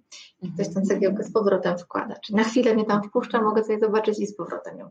I już koniec. Nie, nie ma dostępu. Nie? Przerażające, e, żeby się tak zbliżyć. I jakby rozbieramy, rozbieramy, rozbieramy ten mur do tego, żeby móc stanąć przed sobą jakoś w tej prawdzie, tak zobaczyć żeby ta osoba też mogła siebie zobaczyć, nie? że właśnie teraz, tak. teraz mi się przypomina ta twoja metafora tego płaszcza, to też sobie myślę, że jak jesteśmy tak obudowani tym murem, to też jakoś tam możemy być zakrzywieni z różnymi jakimiś e, obolałymi częściami, które też trzeba jakoś opatrzyć i, i to e, warto też tak sobie to wyobrażać, nie? czyli czy mhm. jak ja mówię do siebie w ten sposób, i tutaj jest sposób, który przeżywacie, który robicie, to czy on buduje kolejny mur, mój ze światem zewnętrznym, czy mój y, z moim związku y, z partnerem, z partnerką, czy ja właśnie ściągam tą cegiełkę tak? I za, mhm. zaczynam robić taką przestrzeń, w której można się trochę lepiej widzieć. To boli i się trzeba napracować trochę, żeby to porozwalać. Tak, a mówi się, że kto nigdy nie był dzieckiem, nie może stać się dorosłym. To jest e, mhm. takie, takie powiedzenie, oczywiście nie do końca e, prawdziwe, ale jednak jeżeli nie dopuszczamy właśnie tych, tych dzieci z zamuru albo tych różnych skrytych rzeczy z zamuru, to nie do końca można zachowywać się jak dorosły. Znaczy możemy właśnie uważać, że jak jestem taka zamurowana, no to jestem po prostu poważnym dorosłym człowiekiem i dajcie mi święty spokój, no po prostu nie przeżywam różnych rzeczy, ale, ale to nie jest dorosłość, to jest właśnie fasada, tak? To może być to fałszywe ja, jakaś maska, o których mówiłyśmy w tym naszym trzecim spotkaniu. E, I, mhm. e, I dopiero wtedy, kiedy dotkniesz ty, tego, co jest za murem, tak, na przykład w terapii, to wtedy masz szansę na dojrzewanie. No bo od czego dojrzewają dzieci? Dlaczego dzieci na przykład stają się dorosłymi? No bo zostają im zaspokajane na w tych różnych etapach ich potrzeby. Jak coś się wysyci, to idzie dalej, wiecie, tak jak roślinka rośnie, dostaje wodę, minerały, słońce i rośnie, i rośnie. I tak samo przecież z dziećmi, kiedy są ich potrzeby zaspokajane, ale ponieważ twoje, jeżeli masz skrzywdzone wewnętrzne dziecko, nie zostały, no to musiał się właśnie wytworzyć jakiś pancerzyk, jakiś mur, tak jak mówisz. Są tutaj przeróżne sposoby ludzkie e, ukrywania tego wewnętrznego, jak brat mówi, pierwotnego wewnętrznego bólu. Mhm. Niektórzy są bardziej właśnie zamknięci w sobie, wycofani i w ten sposób bardziej obmurowany, inni walczą, to bardziej takie jeże z kolcami, co po prostu też nie można się do nich zbliżyć, bo zaraz e, zostaniesz ukłuty. Mhm. Ktoś inny jeszcze bardziej właśnie odpływa w fantazję, w używki, w swój, tak, jakby jest oderwany od rzeczywistości, w tak. ten sposób unika kontaktu z bólem. No na ogół te trzy, fight, fly i freeze, czyli walcz, uciekaj albo się zamruć, tak jak zwierzęta, żeby nie mhm. czuć tego swojego środka. A my właśnie chcemy, żeby poczuć, żeby poczuć, chociaż to bardzo y, może zaboleć, ale docelowo będzie y, uzdrawiające. Mhm. Tak, e, patrzę na to, co tu piszecie, te różne takie e, zdania, które Wam e, towarzyszą. Nie? Czy na przykład nie, nie potrafię, nie dam rady, było jesteś młoda, zdrowa, to zrób i, i nie marudź. E, tak? Umiesz liczyć, licz na siebie. Jesteś wyjątkowa, najlepsza, niesamowita i ja, mama też. Mm-hmm. Mhm, tak. Albo to, to też jest takie ciekawe. U mnie było, jesteś moim słoneczkiem, a do brata jesteś moim promyczkiem i ciągle miałam wrażenie, że słońce jest ważniejsze i silniejsze, przez co miałam wyrzuty sumienia w stosunku do brata. Mm-hmm. E, jak sobie pomyślałam, żeby tylko się nie zatrzymać na tym, co trudne, to na ile właśnie mm, możecie znaleźć takie zdania, które będą właśnie z pozycji tego e, empatycznego dorosłego, dojrzałego, do tych zdań, które tutaj przytoczyliście. Jeśli chcecie, możecie je wpisać dla przykładu na przykład, dla przykładu na przykład, tak? Czego się marzysz, dopiero mogę ci e, dać powody do smutku. Hmm. To co dojrzały, dorosły mógł powiedzieć, masz prawo być smutny. Słyszę cię, widzę cię, Tak? Jestem przy tobie, czyli tego typu zdania, jak sobie pamiętacie, co wpisaliście, to spróbujcie też odnaleźć w sobie, żeby to już taki był zalążek do tego, żeby szukać też tych dobrych, yy, wzmacniających nas komunikatów. To taka właśnie droga. A jak trudno Wam znaleźć, to wpiszcie to zdanie, do którego trudno znaleźć takie zdanie. Może uda nam się. A my tu przeformujemy zaraz. Tak, przeformujemy je, właśnie. No właśnie, że niektóre mogą pochodzić już z dzisiaj, bo może na pewno niektórzy z Was już są w jakichś procesach, już pracujecie, już coś przekształcacie, ale może, mogą też pochodzić właśnie od jakichś e, dobrych też opiekunów z przeszłości, bo jeden mógł być gorszy, a drugi mógł być lepszy, albo mógł mhm. być jakiś opiekun, w którym mieliście oparcie, pomimo, że w rodzinie było, była dysfunkcja, ale ktoś Wam dawał dobrze, dobre przekazy i warto sobie to też przypomnieć, no i właśnie można tutaj zapisać. Mhm jak pojawia się pierwszy. Masz prawo czuć radość. O, świetny Fajne. przekaz. Fajne. Hmm? No dobrze, to my poczekamy, zanim tutaj się te Wasze wiadomości nam załadują. A my możemy przejść, chociaż tak naprawdę mówimy już o tych technikach, więc może jak masz jeszcze jakąś w zanadrzu, to żebyśmy się mogły tu zmieścić w naszym czasie. Tak. To o jednej, dwóch. Ja coś też powiem później. Tak, e, nie wiem, czy się nie zdublujemy, bo ty powiesz zrozum, to tego ja nie będę mówić, ale a drugą, e, dobra, powiem i najwyżej, najwyżej, najwyżej będzie, będzie mniej.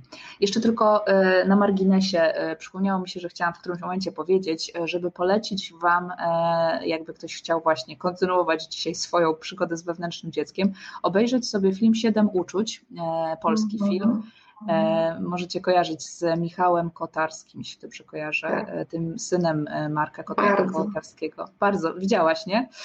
To jest niesamowita w ogóle metafora. Właśnie tam grają jakby dorosłe dzieci, w sensie do, dorośli grają mhm. dzieci, E, takie wrawne wesolutkie, tam w szkole jakieś żarty, a potem jest pokazana ich jakby co one przeżywają w domu i też dzięki temu, że mamy wgląd w ich dom, lepiej rozumiemy, dlaczego się zachowują tak, a nie inaczej. No i więcej nie będę spoilować, spoilerować, ale bardzo, bardzo poruszający, dużo można wziąć z niego dla siebie i też jeszcze bardziej zrozumieć tą koncepcję wewnętrznego dziecka. Mhm. A jeśli chodzi o, o techniki, a jeszcze, jedna, jeszcze jedną myśl chciałam powiedzieć. Dobra, może zanim, zanim to, tą technikę, to jeszcze, jeszcze y, ostatnia myśl. To znaczy, wyobraźcie sobie, że y, mm, jakby jest ten y, zdrowy dorosły i on, albo ten menedżer, i on ma takie połączenia, nawet takimi niteczkami z różnymi właśnie częściami w nas.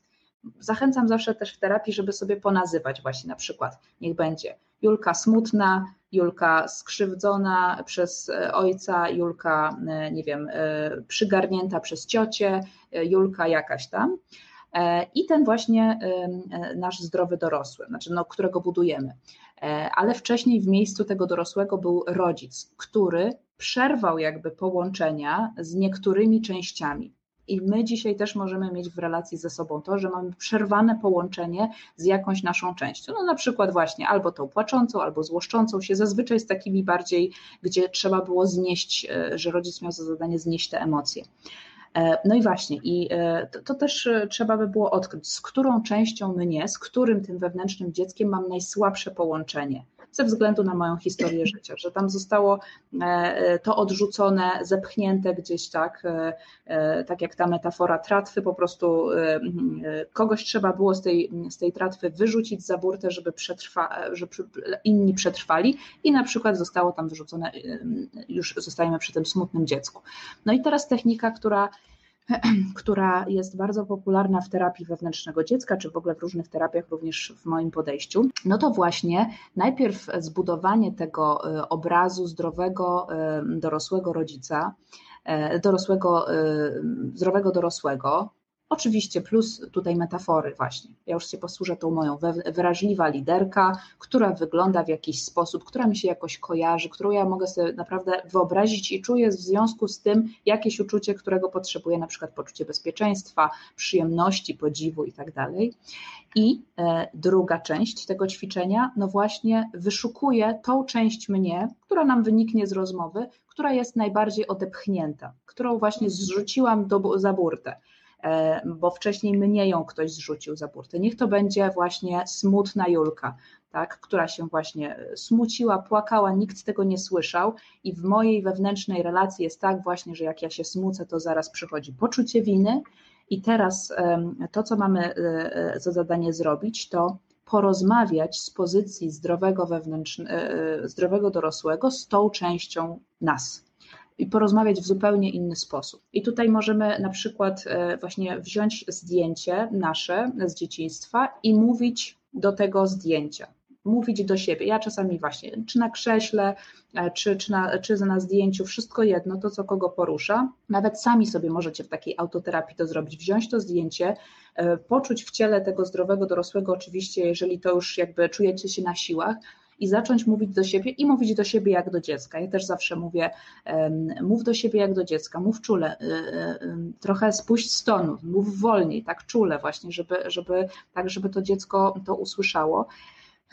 I, no, no i właśnie, i w ten sposób zawiązujemy więź nową z tą częścią nas. Tworzymy taką siatkę wewnętrzną, że jakby przestają być tak e, jakieś obszary właśnie nam nieznane, jakieś odepchnięte, jakieś czarne dziury, czarne plamki, tylko właśnie budujemy te mosty. No i to e, łatwo powiedzieć, trudniej zrobić. Oczywiście to jest proces, to trwa, e, to trzeba powtarzać wielokrotnie w taki sposób lub też w wyobraźni, bo tutaj właśnie wyeksternalizowałam to trochę, czyli jakby wyrzuciłam na zewnątrz to dziecko, ale możemy też pracować w taki sposób, to też w terapii, że przywołujemy sobie tamto wspomnienie, w którym nasze dziecko, znaczy jak byliśmy dzieckiem, zostało w jakiś sposób źle potraktowane, albo właśnie odebrało to nie, niewłaściwie, nawet jeśli przekaz był dobry, i w to miejsce jakby budujemy trochę nową historię, nowe zakończenie danej historii, albo mówimy czasem na to uzdrawianie wspomnień, że jak już mamy zbudowaną tą naszą czułą przewodniczkę, wewnętrzną liderkę, zdrową, dorosłą, wprowadzamy ją do tego wspomnienia w wyobraźni, jeśli komuś dobrze robi, y, jeżeli ktoś umie sobie wyobrażać, bo niektórzy też mają z tym trudność, to wtedy lepiej, żebyśmy to narysowali albo na zewnątrz o tym mówili. Ale wprowadzamy wtedy w to wspomnienie tego zdrowego dorosłego, który inaczej rozmawia z tym dzieckiem, który mówi właśnie dobre rzeczy. To trzeba wcześniej przygotować. Właśnie ten przekaz, jak powiedziałaś, na przykład e, jestem przy tobie, zawsze będę przy tobie, tak? Spokojnie, może ci się nie udać, nic się nie dzieje. I mówi inne rzeczy, i wtedy też właśnie e, uzdrawia się to mm, to wewnętrzne dziecko. I powtarzamy to, to, to, tak, jak nasi rodzice nam musieli powtórzyć z, e, e, tysiąc razy y, jakiś przekaz typu zamilcz, tak, albo nie masz prawa głosu, żeby dotarło, no to my teraz nie, nie od, odczarujemy tego za jednym takim e, trikiem terapeutycznym, tylko my sami teraz też musimy sobie wielokrotnie coś powtórzyć, e, w różnych sytuacjach do siebie mówić, e, sam, sami siebie wspierać właśnie z tego empatycznego miejsca w nas, żeby w pewnym momencie zakliknęło i właśnie stało się takim mm, automatem, albo przynajmniej, żeby był taki, taki doklejony nowy ślad na tym wspomnieniu, że już nie jest takie czyste wspomnienie, tylko właśnie jest e, tam dodatek, który już y, robi różnicę. To, jest jedna rzecz. E, a druga rzecz, którą też bardzo lubię, to pisanie listów. To też o tym właśnie Bradshaw e, mówi, nawet nie wiem, czy Bradshaw nie jest w ogóle pionierem tych pomysłów, tych listów. Jeszcze raz pokażę tą książkę Powrót do swego wewnętrznego domu. Bardzo, bardzo ją polecam. Jakby ktoś nie wiedział od czego zacząć, to też jest dobry pomysł, że od tego, a propos pracy z wewnętrznym dzieckiem. I on tam, w ogóle on tam właśnie też dzieli te dzieci na etapy. E, dziecko twoje tam właśnie niemowlak, potem szkolne dziecko, nastolatek i tak dalej. E, u Bratszała, Bratszała jest tym zdrowym dorosłym taki stary czarodziej, którego on sobie tak wyobrażał, jak był dzieckiem kiedyś i że, że ten czarodziej mu pomoże, w ogóle go tam wyzwoli z jego rodziny. I tutaj e, właśnie z on proponuje taką technikę, że najpierw dorosły ma napisać list do dziecka, że piszesz list do swojego dziecka, w którym na przykład przepraszasz to dziecko, że je źle traktujesz. Tak jakby samego siebie właśnie. Pamiętajcie cały czas, że to są metafory. Tak naprawdę przepraszamy samego siebie. Albo próbujesz dostać się do, do uczuć tego dziecka. Budujesz zaufanie z tym dzieckiem, a dziecko ci później ma odpisać. To znaczy ta część ciebie e, dziecięca, zresztą on mówi o tym, żeby pisać ten list naszą dominującą ręką, e, na przykład prawą, a dziecko ma odpisać napisać e, tą drugą, żeby właśnie poczuć się bardziej tak bezbronnie, e, nie tak sprawnie. No i nawiązujemy taki dialog, tak? I, no i tutaj to też nie jest, e, że raz zrobimy odfajkowane, tylko niech to będzie konwersacja. Piszmy tak przez jakiś czas, na przykład przez czas w terapii, tak, żeby nawiązywać dialog, właśnie tą więź, tą niteczkę. Tak, no i to, to, to są takie, takie moje propozycje ćwiczeń. Mhm. Okej, okay. ja tutaj popatrzę sobie, mm, odniosę się do tego, co na czacie, bo tu się pojawiały tak. też jakieś pytania mm, wokół tego. Tylko tak, fajnie, niektóre osoby widzę, że sobie właśnie znalazły te zdania, na przykład masz prawo być nieidealna, masz prawo być niedoskonała. Mm. Masz prawo czuć złość, na przykład, nie? No to właśnie, czyli generalnie wszystkie zdania wokół tego, że możesz przeżywać to, co przeżywasz. Tak jak jest, jest, jest ok. Nie? E, I tu też e, było jedno takie pytanie ważne, mm, że jak Was słucham i komentarze, to mam taką refleksję, że jak tutaj być rodzicem i nie ranić swoim, swoich dzieci. Nie? Że te komentarze właśnie, że to prawie każdy nasz komentarz może być dla dziecka trudny, że to widać po przykładach e, i czy problem leży chyba w relacji, bliskości między dzieckiem a rodzicem. No to ja mam taką odpowiedź tutaj e, kilka w sumie, mam takich, miałam takich myśli wokół tego, że no, tak jest, też właśnie, właśnie o to chodzi, to jest do, dobre to, to pytanie, bo po pierwsze, żebyśmy nie wpadali w taką pułapkę, że wszystko co robimy jest złe, że jak sobie na, nauczymy się sobie wybaczać, to też możemy na, wybaczać naszym rodzicom e, różne rzeczy, e, że te, że żeby coś było traumatyczne, to też musi się powtarzać y, mhm. i być niezauważone, że jakby powtarzać się coś trudnego i jakby nie ma korekty. Mhm. Tak? Mm, plus y, jeszcze jedna ważna rzecz, że no właśnie, nie wszystko w życiu dziecka zależy od rodzica, mhm. bo ono ma swoją osobowość i tak jak mówiłyśmy, ma swoje różne kawałki y, przeżywania tego świata. Nie musi mieć, nie musi wiedzieć, jaka intencja stoi y, za tym, że rodzic mówi czy robi różne rzeczy, po prostu przeżywa swój świat e, po swojemu. E, dlatego e, oczywiście myślę sobie, że praca w ogóle nad sobą, praca nad, y, na jakichś warsztatach nie? I dla rodziców na przykład. Tak? Tutaj mhm. Was odeślę od razu do Agnieszki Stążki Gawrysia, która razem z Jagodą Sikorą przygotowuje szkolenie właśnie o rozbieżnościach wychowawczych, o tych różnych trudach, które gdzieś tam się dzieją w rodzicielstwie. E, to też fajny, fajny temat, który e, dziewczyny zaopiekowały i dla par właśnie, więc y, można, one na pewno będą, bo widziałam też ten program, jakiś mam tam swój udział trochę e, w tym też, gdzie odnoszą się do tych więzi pierwotnych, więc, y, więc na pewno będą też kładły na to nacisk, więc wrzucam Wam tutaj na, czasie, na czacie link do ich szkolenia. Ale generalnie to jest poszerzanie swojej samoświadomości, czyli im więcej pracuję nad sobą, abym powiedziała, że jak się ma dzieci, to tutaj też ktoś fajnie na czacie napisał, że mm, moment, gdzie to ja docieram do takich momentów, patrząc na moje dzieci, na ich reakcje, bardzo dużo to uruchamia we mnie. No właśnie, że dzieci nas tak dużo uruchamiają, że są okazją do tego, żeby zaopiekować się tymi swoimi częściami i im wcześniej, im w tych pierwszych latach życia dziecka y, zobaczymy, co nas porusza, co dla nas było trudnego z przeszłości i zajmiemy się sobą, tym mniej przekażemy dzieciom. Nie? Tak, tak też to y, wygląda, wierzę w taką pracę właśnie. Mm, rodziców mocno, która wpływa na dzieci. Tak, tak, jakby nie, nie, nie, nie chciałybyśmy, żeby był jakiś tutaj mhm. wydźwięk, że właśnie co, co tam rodzic nie powie, będzie, będzie i tak źle. Tak. No, no, pewnie coś będzie, to, to nawet właśnie nie o to chodzi, żeby teraz być idealnym rodzicem właśnie, bo to może twój przekaz właśnie, żeby wszystko było idealnie, ale, mhm. mm, ale y, tak właśnie, y, to, to co powiedziałaś w sumie Marita jest najważniejsze, chyba korekta, to znaczy jak widzimy, że coś źle działa na dziecko, bo to przecież y, naprawdę można dostrzec, jak się jest uważnym, to, to po prostu staramy się skorygować, odbudować więź, to jest w ogóle jakaś taka super ważna kwestia przy właśnie budowaniu bezpiecznej więzi, że można się zdesynchronizować, a potem można się pogodzić, tak, albo można zrobić inaczej, tak, jeżeli jesteśmy na siebie uważni, więc to, że coś tam się e, nie, nie pójdzie w porządku, dziecko źle to odbierze, to, to, to jedno, ale jak widzimy, że my dajemy jakiś przekaz i to idzie w nie w tą stronę, no to, no to można przecież mhm zmienić. To skorygować. To też tak właśnie e, jak e, ten wewnętrzne dziecko w dorosłym e, związku pojawiało się, była pierwsza jakby ta edycja, teraz, teraz możecie tylko te nagrania uzyskać dołączając do tego kursu, ale wtedy też to była praca taka, w której gdzieś tam widzieliśmy się na żywo. To też część osób, nie tylko dla związku jakby to robiło robotę, ale mm. też dużo się pojawiało właśnie w rodzinie, czyli że rany, ja mam dzieci, no to to i to i to i się tak mnóstwo uruchamiało jakiegoś też poczucia winy czasami, E, czasami takie rzeczy się otwierały, że no właśnie, że to może mieć wpływ, że to jest niesamowite.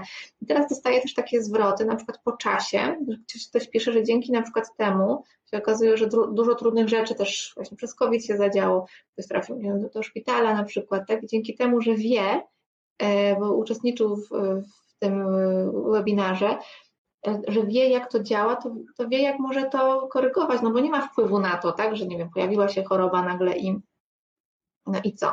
Tak? Nie jechać z tym potrzebującym do, do szpitala i następuje rozłąka, która ma też, jak wiemy, duże znaczenie. Także ta wiedza też pomaga nam, czyli sama wiedza nie jest wystarczająca, ale to jest początek, czyli im więcej wiem, im bardziej jestem świadomy, świadoma różnych rzeczy, tym bardziej mogę reagować, rozumieć zarówno i dziecko, ale też tego e, partnera. I to też dzieje się właśnie w związku, to bym taki e, przykład, mm, jak to wewnętrzne dziecko się gdzieś tam nam uruchamia, nie tylko w związku, ale w ogóle w różnych relacjach z drugim człowiekiem, nie? Ale na przykład, jeśli ja nie znam, nie wiem, jak funkcjonuje moje wewnętrzne dziecko i jestem sobie w relacji właśnie z drugą połówką, to pewne rzeczy, których nie chcę widzieć w sobie, które są dla mnie trudne, przykre, nie wiem, to może być smutek, to mogą być różne przekazy, które tutaj się, nie wiem, pojawiały na przykład na czacie e, i one nagle będą wybrzmiewać w naszej relacji, to mogę zacząć przypisywać drugiej osobie. Czyli na przykład, jeśli jest tak, że właśnie wszystko muszę mieć idealnie i boję się popełnić jakiś błąd, czyli tak naprawdę dążę do doskonałości, to e, każdy sygnał, który będę dostawała od drugiej połówki, który ja będę odbierała jako zagrażający, a takim sygnałem może być na przykład pytanie, zwykłe, najprostsze pytanie, dlaczego coś jest, czemu to nie działa, dlaczego tak to wygląda, czemu coś się stało. Oczywiście pomijam tę kwestię y, intonacji, tak, ale zakładam, że pytanie jest zadane bardzo neutralnie to ja mogę zareagować oceną, mogę zareagować obwinianiem, e, mogę uznać, że ta druga strona mnie nawet atakuje. Czyli ja nie mam kontaktu z tą swoją taką e, wewnętrzną mm, częścią dziecięcą, e, bo tak boję i, i nie wiem tego, że boję się popełnić błąd, że to pytanie interpretuję jako taki stryczek, tak, że o, tu coś nie poszło, jestem w swoich wyobrażeniach, no więc próbuję się ochronić, tak, i z lęku trochę mogę zacząć atakować tą drugą E, osobę. Czyli muszę być uważna na te różne rzeczy, bo to jest taki przykład, no powiedzmy w miarę jeszcze neutralny, ale jak dotyczy to na przykład złości, z którą jest bardzo trudno w relacji, to my się tak przerzucamy tą złością, tą winą, albo tym, że nie wiem, partner jest milczący i nie chce z nami rozmawiać, no to też e, w tym takim trio naszym webinarowym, do którego jeszcze do jutra, do do 23.59 do jutra można skorzystać z tego limitowanego pakietu, e, czyli kursu komunikacji i wewnętrzne dziecko w dorosłym związku. Tam będziecie mieć narzędzie do tego, żeby właśnie zdobyć tą wiedzę i uczyć się tego, jak być tego świadomym, czyli kiedy nam się to odpala w relacji, jak tego poszukiwać, bo to przynosi taką ulgę, e, żeby mm, na siebie patrzeć łagodnie, czyli ile my mamy rzeczy tak naprawdę do zrobienia. Nie? Z jednej strony nauczyć się, nie wiem, jakichś narzędzi komunikacyjnych, żeby było nam trochę inaczej, ale z drugiej strony bez takiej świadomości, o której my tu dzisiaj na przykład mówimy, siebie, a potem zobaczenia, że przecież ten drugi też tak ma, on też ma jakieś swoje wewnętrzne dziecko tam, które reaguje na różne rzeczy, więc ja wiedząc, że on tak ma, to mogę y, reagować inaczej, czyli mogę mm, albo reagować obronnie, albo pewne rzeczy przyjmować jako coś, co po prostu dzieje się naturalnie w naszej relacji, czyli jak wiem, że jest mu trudno e, z jakimiś takimi mm, zdaniami, aspektami, co, co, coś tam mm, gra w nim, nie? takiego jest jakiś staniec, który możemy odtworzyć, to ja nie wiem, na przykład to milczenie, dajmy na to, tak? Czyli jak ja wiem, że tak ma, to ja początkowym etapie będę absolutnie wszystko um, robić, żeby go wyciągnąć do tej rozmowy, bo mi się wydaje, że to jest najlepsze, zwłaszcza jak jestem z rodziny, w której się rozmawiało. Ale jak zrozumiem tego drugiego człowieka, że on ma za tym jakiś powód swój, jego doświadczenia, to jakie on ma przekonania, jakie ma przeżycia, z czym mu się to kojarzy, czego on się tam obawia, co tam on, co, co, co to dla niego oznacza. To jest tam cały naprawdę ogromny bagaż yy, rzeczy, które warto i nawet trzeba poznać w relacji, bo bez tego trudno stworzyć, uważam, dobrą, szczęśliwą relację. kiedy się tego nie wie. I pewne rzeczy myślę sobie, że tak jak ty, ty mówiłaś o tym um, technice zrozum, ja, sobie, ja dzisiaj siedziałam sobie nad tymi myślami, wymyślałam e, inną, którą nazwałam e, trochę inaczej, e, bo szukałam takiego właśnie czegoś, co można by było opisać jako narzędzie do takiego stosowania sobie w życiu, a które jest jakoś spójne z tym, co się dzieje mm, na terapii na przykład.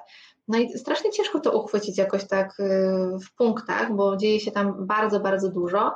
Natomiast zaczęłam sobie wypisywać i to jest trochę, trochę śmieszne, ale nazwa jest taka, sroka mała.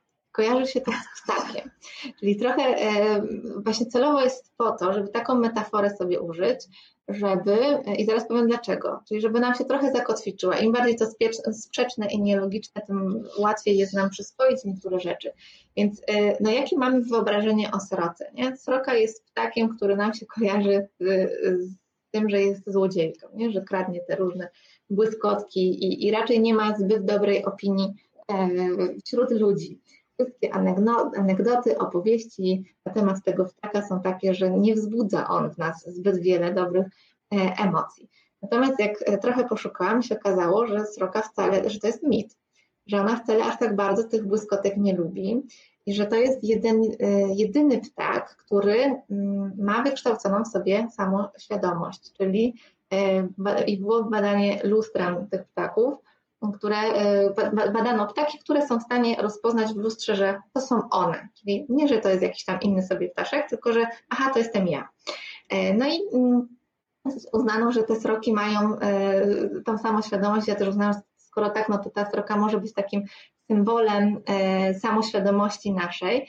No i tutaj Wam wrzucę, e, żeby to łatwiej mm, się nam o tym rozmawiało, mm, rozwinięcie tego skrótu, czyli nie dość, że to taka metafora, którą można zobaczyć, że my też mamy różne przekonania, mity, które uważamy za fakty, które w nas są e, i które trzeba jakoś odczarować, to jeszcze do tego mm, ten skrót sroka mała, ona, on ma swoje rozwinięcie. Tak, i można powiedzieć e, w ten sposób, że ten pierwszy, pierwszy punkt, który tutaj widzicie na, e, na, na czacie, mam nadzieję, że to dosyć dobrze widać, to jest stop, tak, czyli stop, czyli ja sobie tutaj tylko przewinę. Mm, mamy punkty, widzicie, stop, rozpoznanie, odniesienie do przeszłości, kontakt ze sobą, aktywny, empatyczny dorosły i mała zmiana tak, czyli stop, czyli to jest taki moment, jeszcze, tylko muszę dopowiedzieć, że dlaczego tak o tym mówię, dlatego, że nawet osoby, które są na terapii, często mają takie przekonanie, że jak już coś się dowiedziały, czyli jak wy wyjdziecie z webinaru albo skończycie któryś z moich kursów na przykład, czy, czy, wy, czy będziecie w trakcie terapii swojej własnej, to na pewno będzie taki moment, w którym poczujecie, że to jest bez sensu w ogóle, że przecież to nie zmieniło się tak parodziejsko, nie? My byśmy chcieli taką tabletkę, że zażyje i to już zadziała. Więc nie ma takiej tabletki, ale to, co pomaga ludziom, to zobaczenie, że właśnie, że my nie dążymy do ideału. I tak jak ja dzisiaj się z Wami podzieliłam tym, że e, mimo świadomości potrzebuję w różnych emo- e, e, będąc w różnych emocjach też osoby, która pomoże mi odparować i zobaczyć różne rzeczy, to co się ze mną dzieje, bo po prostu jak jesteśmy w silnych emocjach, to nie potrafimy inaczej. Więc e, jakby ta, ta sroka e, mała trochę ma być takim kawałkiem, fragmentem do tego, żeby zobaczyć, jak to się dzieje i żeby sobie móc to potem samodzielnie przypominać. Tak? Czyli to stop to jest takie właśnie zatrzymanie się e, w ważnym, trudnym jakimś momencie, czyli nie wiem, na przykład w trakcie wybuchu to jest powiedzenie sobie stop, tak? czyli już jest taki kawałek, zatrzymanie się, o to chodzi, żeby, żeby się tutaj zatrzymać. Drugi punkt byłby taki, rozpoznanie, czyli sprawdzam, co się ze mną dzieje, co ja teraz czuję, mm, co ja teraz przeżywam, jaki schemat mi to uaktywnia. Tak, czyli ma, robimy sobie taki trochę rozeznanie, co ja mam w ciele, co ja mam w myślach, co się dzieje w mojej głowie, co się dzieje w moich uczuciach, mm, co, co czuję, kiedy inni mnie ignorują, kiedy ten smutek przeżywam, czyli rozumiecie, taki jakby flash ktoś rzucił na to na nas, żebyśmy mieli taką świadomość, mogli sobie to jakoś ponazywać. I teraz kolejna rzecz, jak nam się to już uda, ja to mówię w bardzo dużym skrócie ogólnym i to jest czasem praca latami, czyli zobaczcie, pierwsze, pierwsze rzeczy, czyli ten stop, czy to rozpoznanie, możemy to robić na różnych warsztatach, na różnych kursach, e, z drugą osobą, z jakąś przyjaciółką, Zresztą wszystkie te punkty możemy zrobić w, w tych obszarach, ale pewne rzeczy, jak na przykład czucie, czasem jak jest tego tak dużo, to potrzebujemy kogoś, kto z nami po prostu będzie na 100% tylko dla nas, żeby móc to sobie rozeznać. No i kolejny punkt to jest odniesienie do, do przeszłości. Ja trochę mogę się zastanawiać, to co mówiłyśmy na samym początku dzisiaj, kiedy czułam to się podobnie, co to jest za schemat, a jeszcze dalej, co mi to dawało, co dzięki temu zyskiwałem, przed czym mnie to chroniło. Te wszystkie pytania, które e, też wtedy e, zadałyśmy, czyli mam moment stop, mam moment tej teraźniejszości, co się tutaj teraz aktualnie ze mną dzieje i zaczynam sobie przypomnieć, co się ze mną działo kiedyś, kiedy mogło być jakoś podobnie. No i kolejny punkt to jest kontakt ze sobą, czyli jakie mam strategie e, na te, na te sytuacje, tak? czyli co wtedy, mm, co wtedy ze mną się właśnie dzieje, czyli rozumiem to, jakie sposoby podejmuję. Czy ja wykrzykuję, czy ja się wycofuję, czy ja wtedy milczę, czy ja wtedy potrzebuję kogoś, czy zaszywam się jakoś pod poduszką, nie wiem, uciekam w sen, zaczynam pić, zaczynam pracować więcej i tak. Jakie mam strategie na to? No i piąta rzecz, tu jest ten cały punkt, o którym dzisiaj mówiłyśmy, czyli aktywny, empatyczny dorosły, czyli co powiedziałbyś innej osobie w tej sytuacji, dziecku, przyjacielowi, to on wtedy yy, jakby przeżywał podobne rzeczy, które ty przeżywasz, to co byś powiedział jemu? Bo najczęściej łatwiej jest nam powiedzieć coś komuś yy, drugiemu niż nam, to co, to co już dzisiaj tutaj padło. No i ostatnia rzecz to jest właśnie mała zmiana, czyli drobne zmiany, czyli jak normalnie robię X, Y, Z, czyli nie wiem, normalnie wykrzykuję na męża, to co mogę zrobić inaczej? Może tym razem mogę e, wycofać się, albo go przytulić, albo powiedzieć, że boję się, albo jeszcze coś innego zrobić, tak? Czyli wracając do tych punktów tutaj, e, kilku, które są na górze, i my się poruszamy po tych punktach, po tej e, sroce małej, która uczy nas właśnie tej uważności, samoświadomości.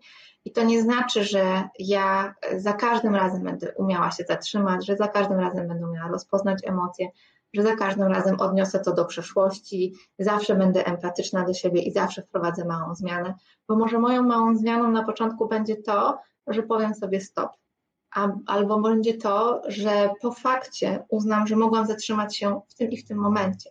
Czyli takie drobne rzeczy, których nie doceniamy, bo, ten, bo nie ma aktywnego, empatycznego dorosłego, bo, ten, e, bo powie wtedy krytyk, że no ale co ty dopiero tutaj? Trzeba było wcześniej zareagować. Nie. Czyli wtedy zatrzymuje się, stop, od nowa, co ja takiego robię, co ja teraz czuję, jakie emocje przeżywam, czy, czy to jest właśnie jakaś bezradność, jakaś złość, jakaś trudność. I możemy sobie tym schematem obserwować siebie cały czas. Jeśli chcesz posłuchać innych odcinków na temat psychologii związków, zajrzyj na międzyparami.pl. Jeśli masz propozycję tematu na kolejny podcast, wyślij wiadomość przez formularz na stronie.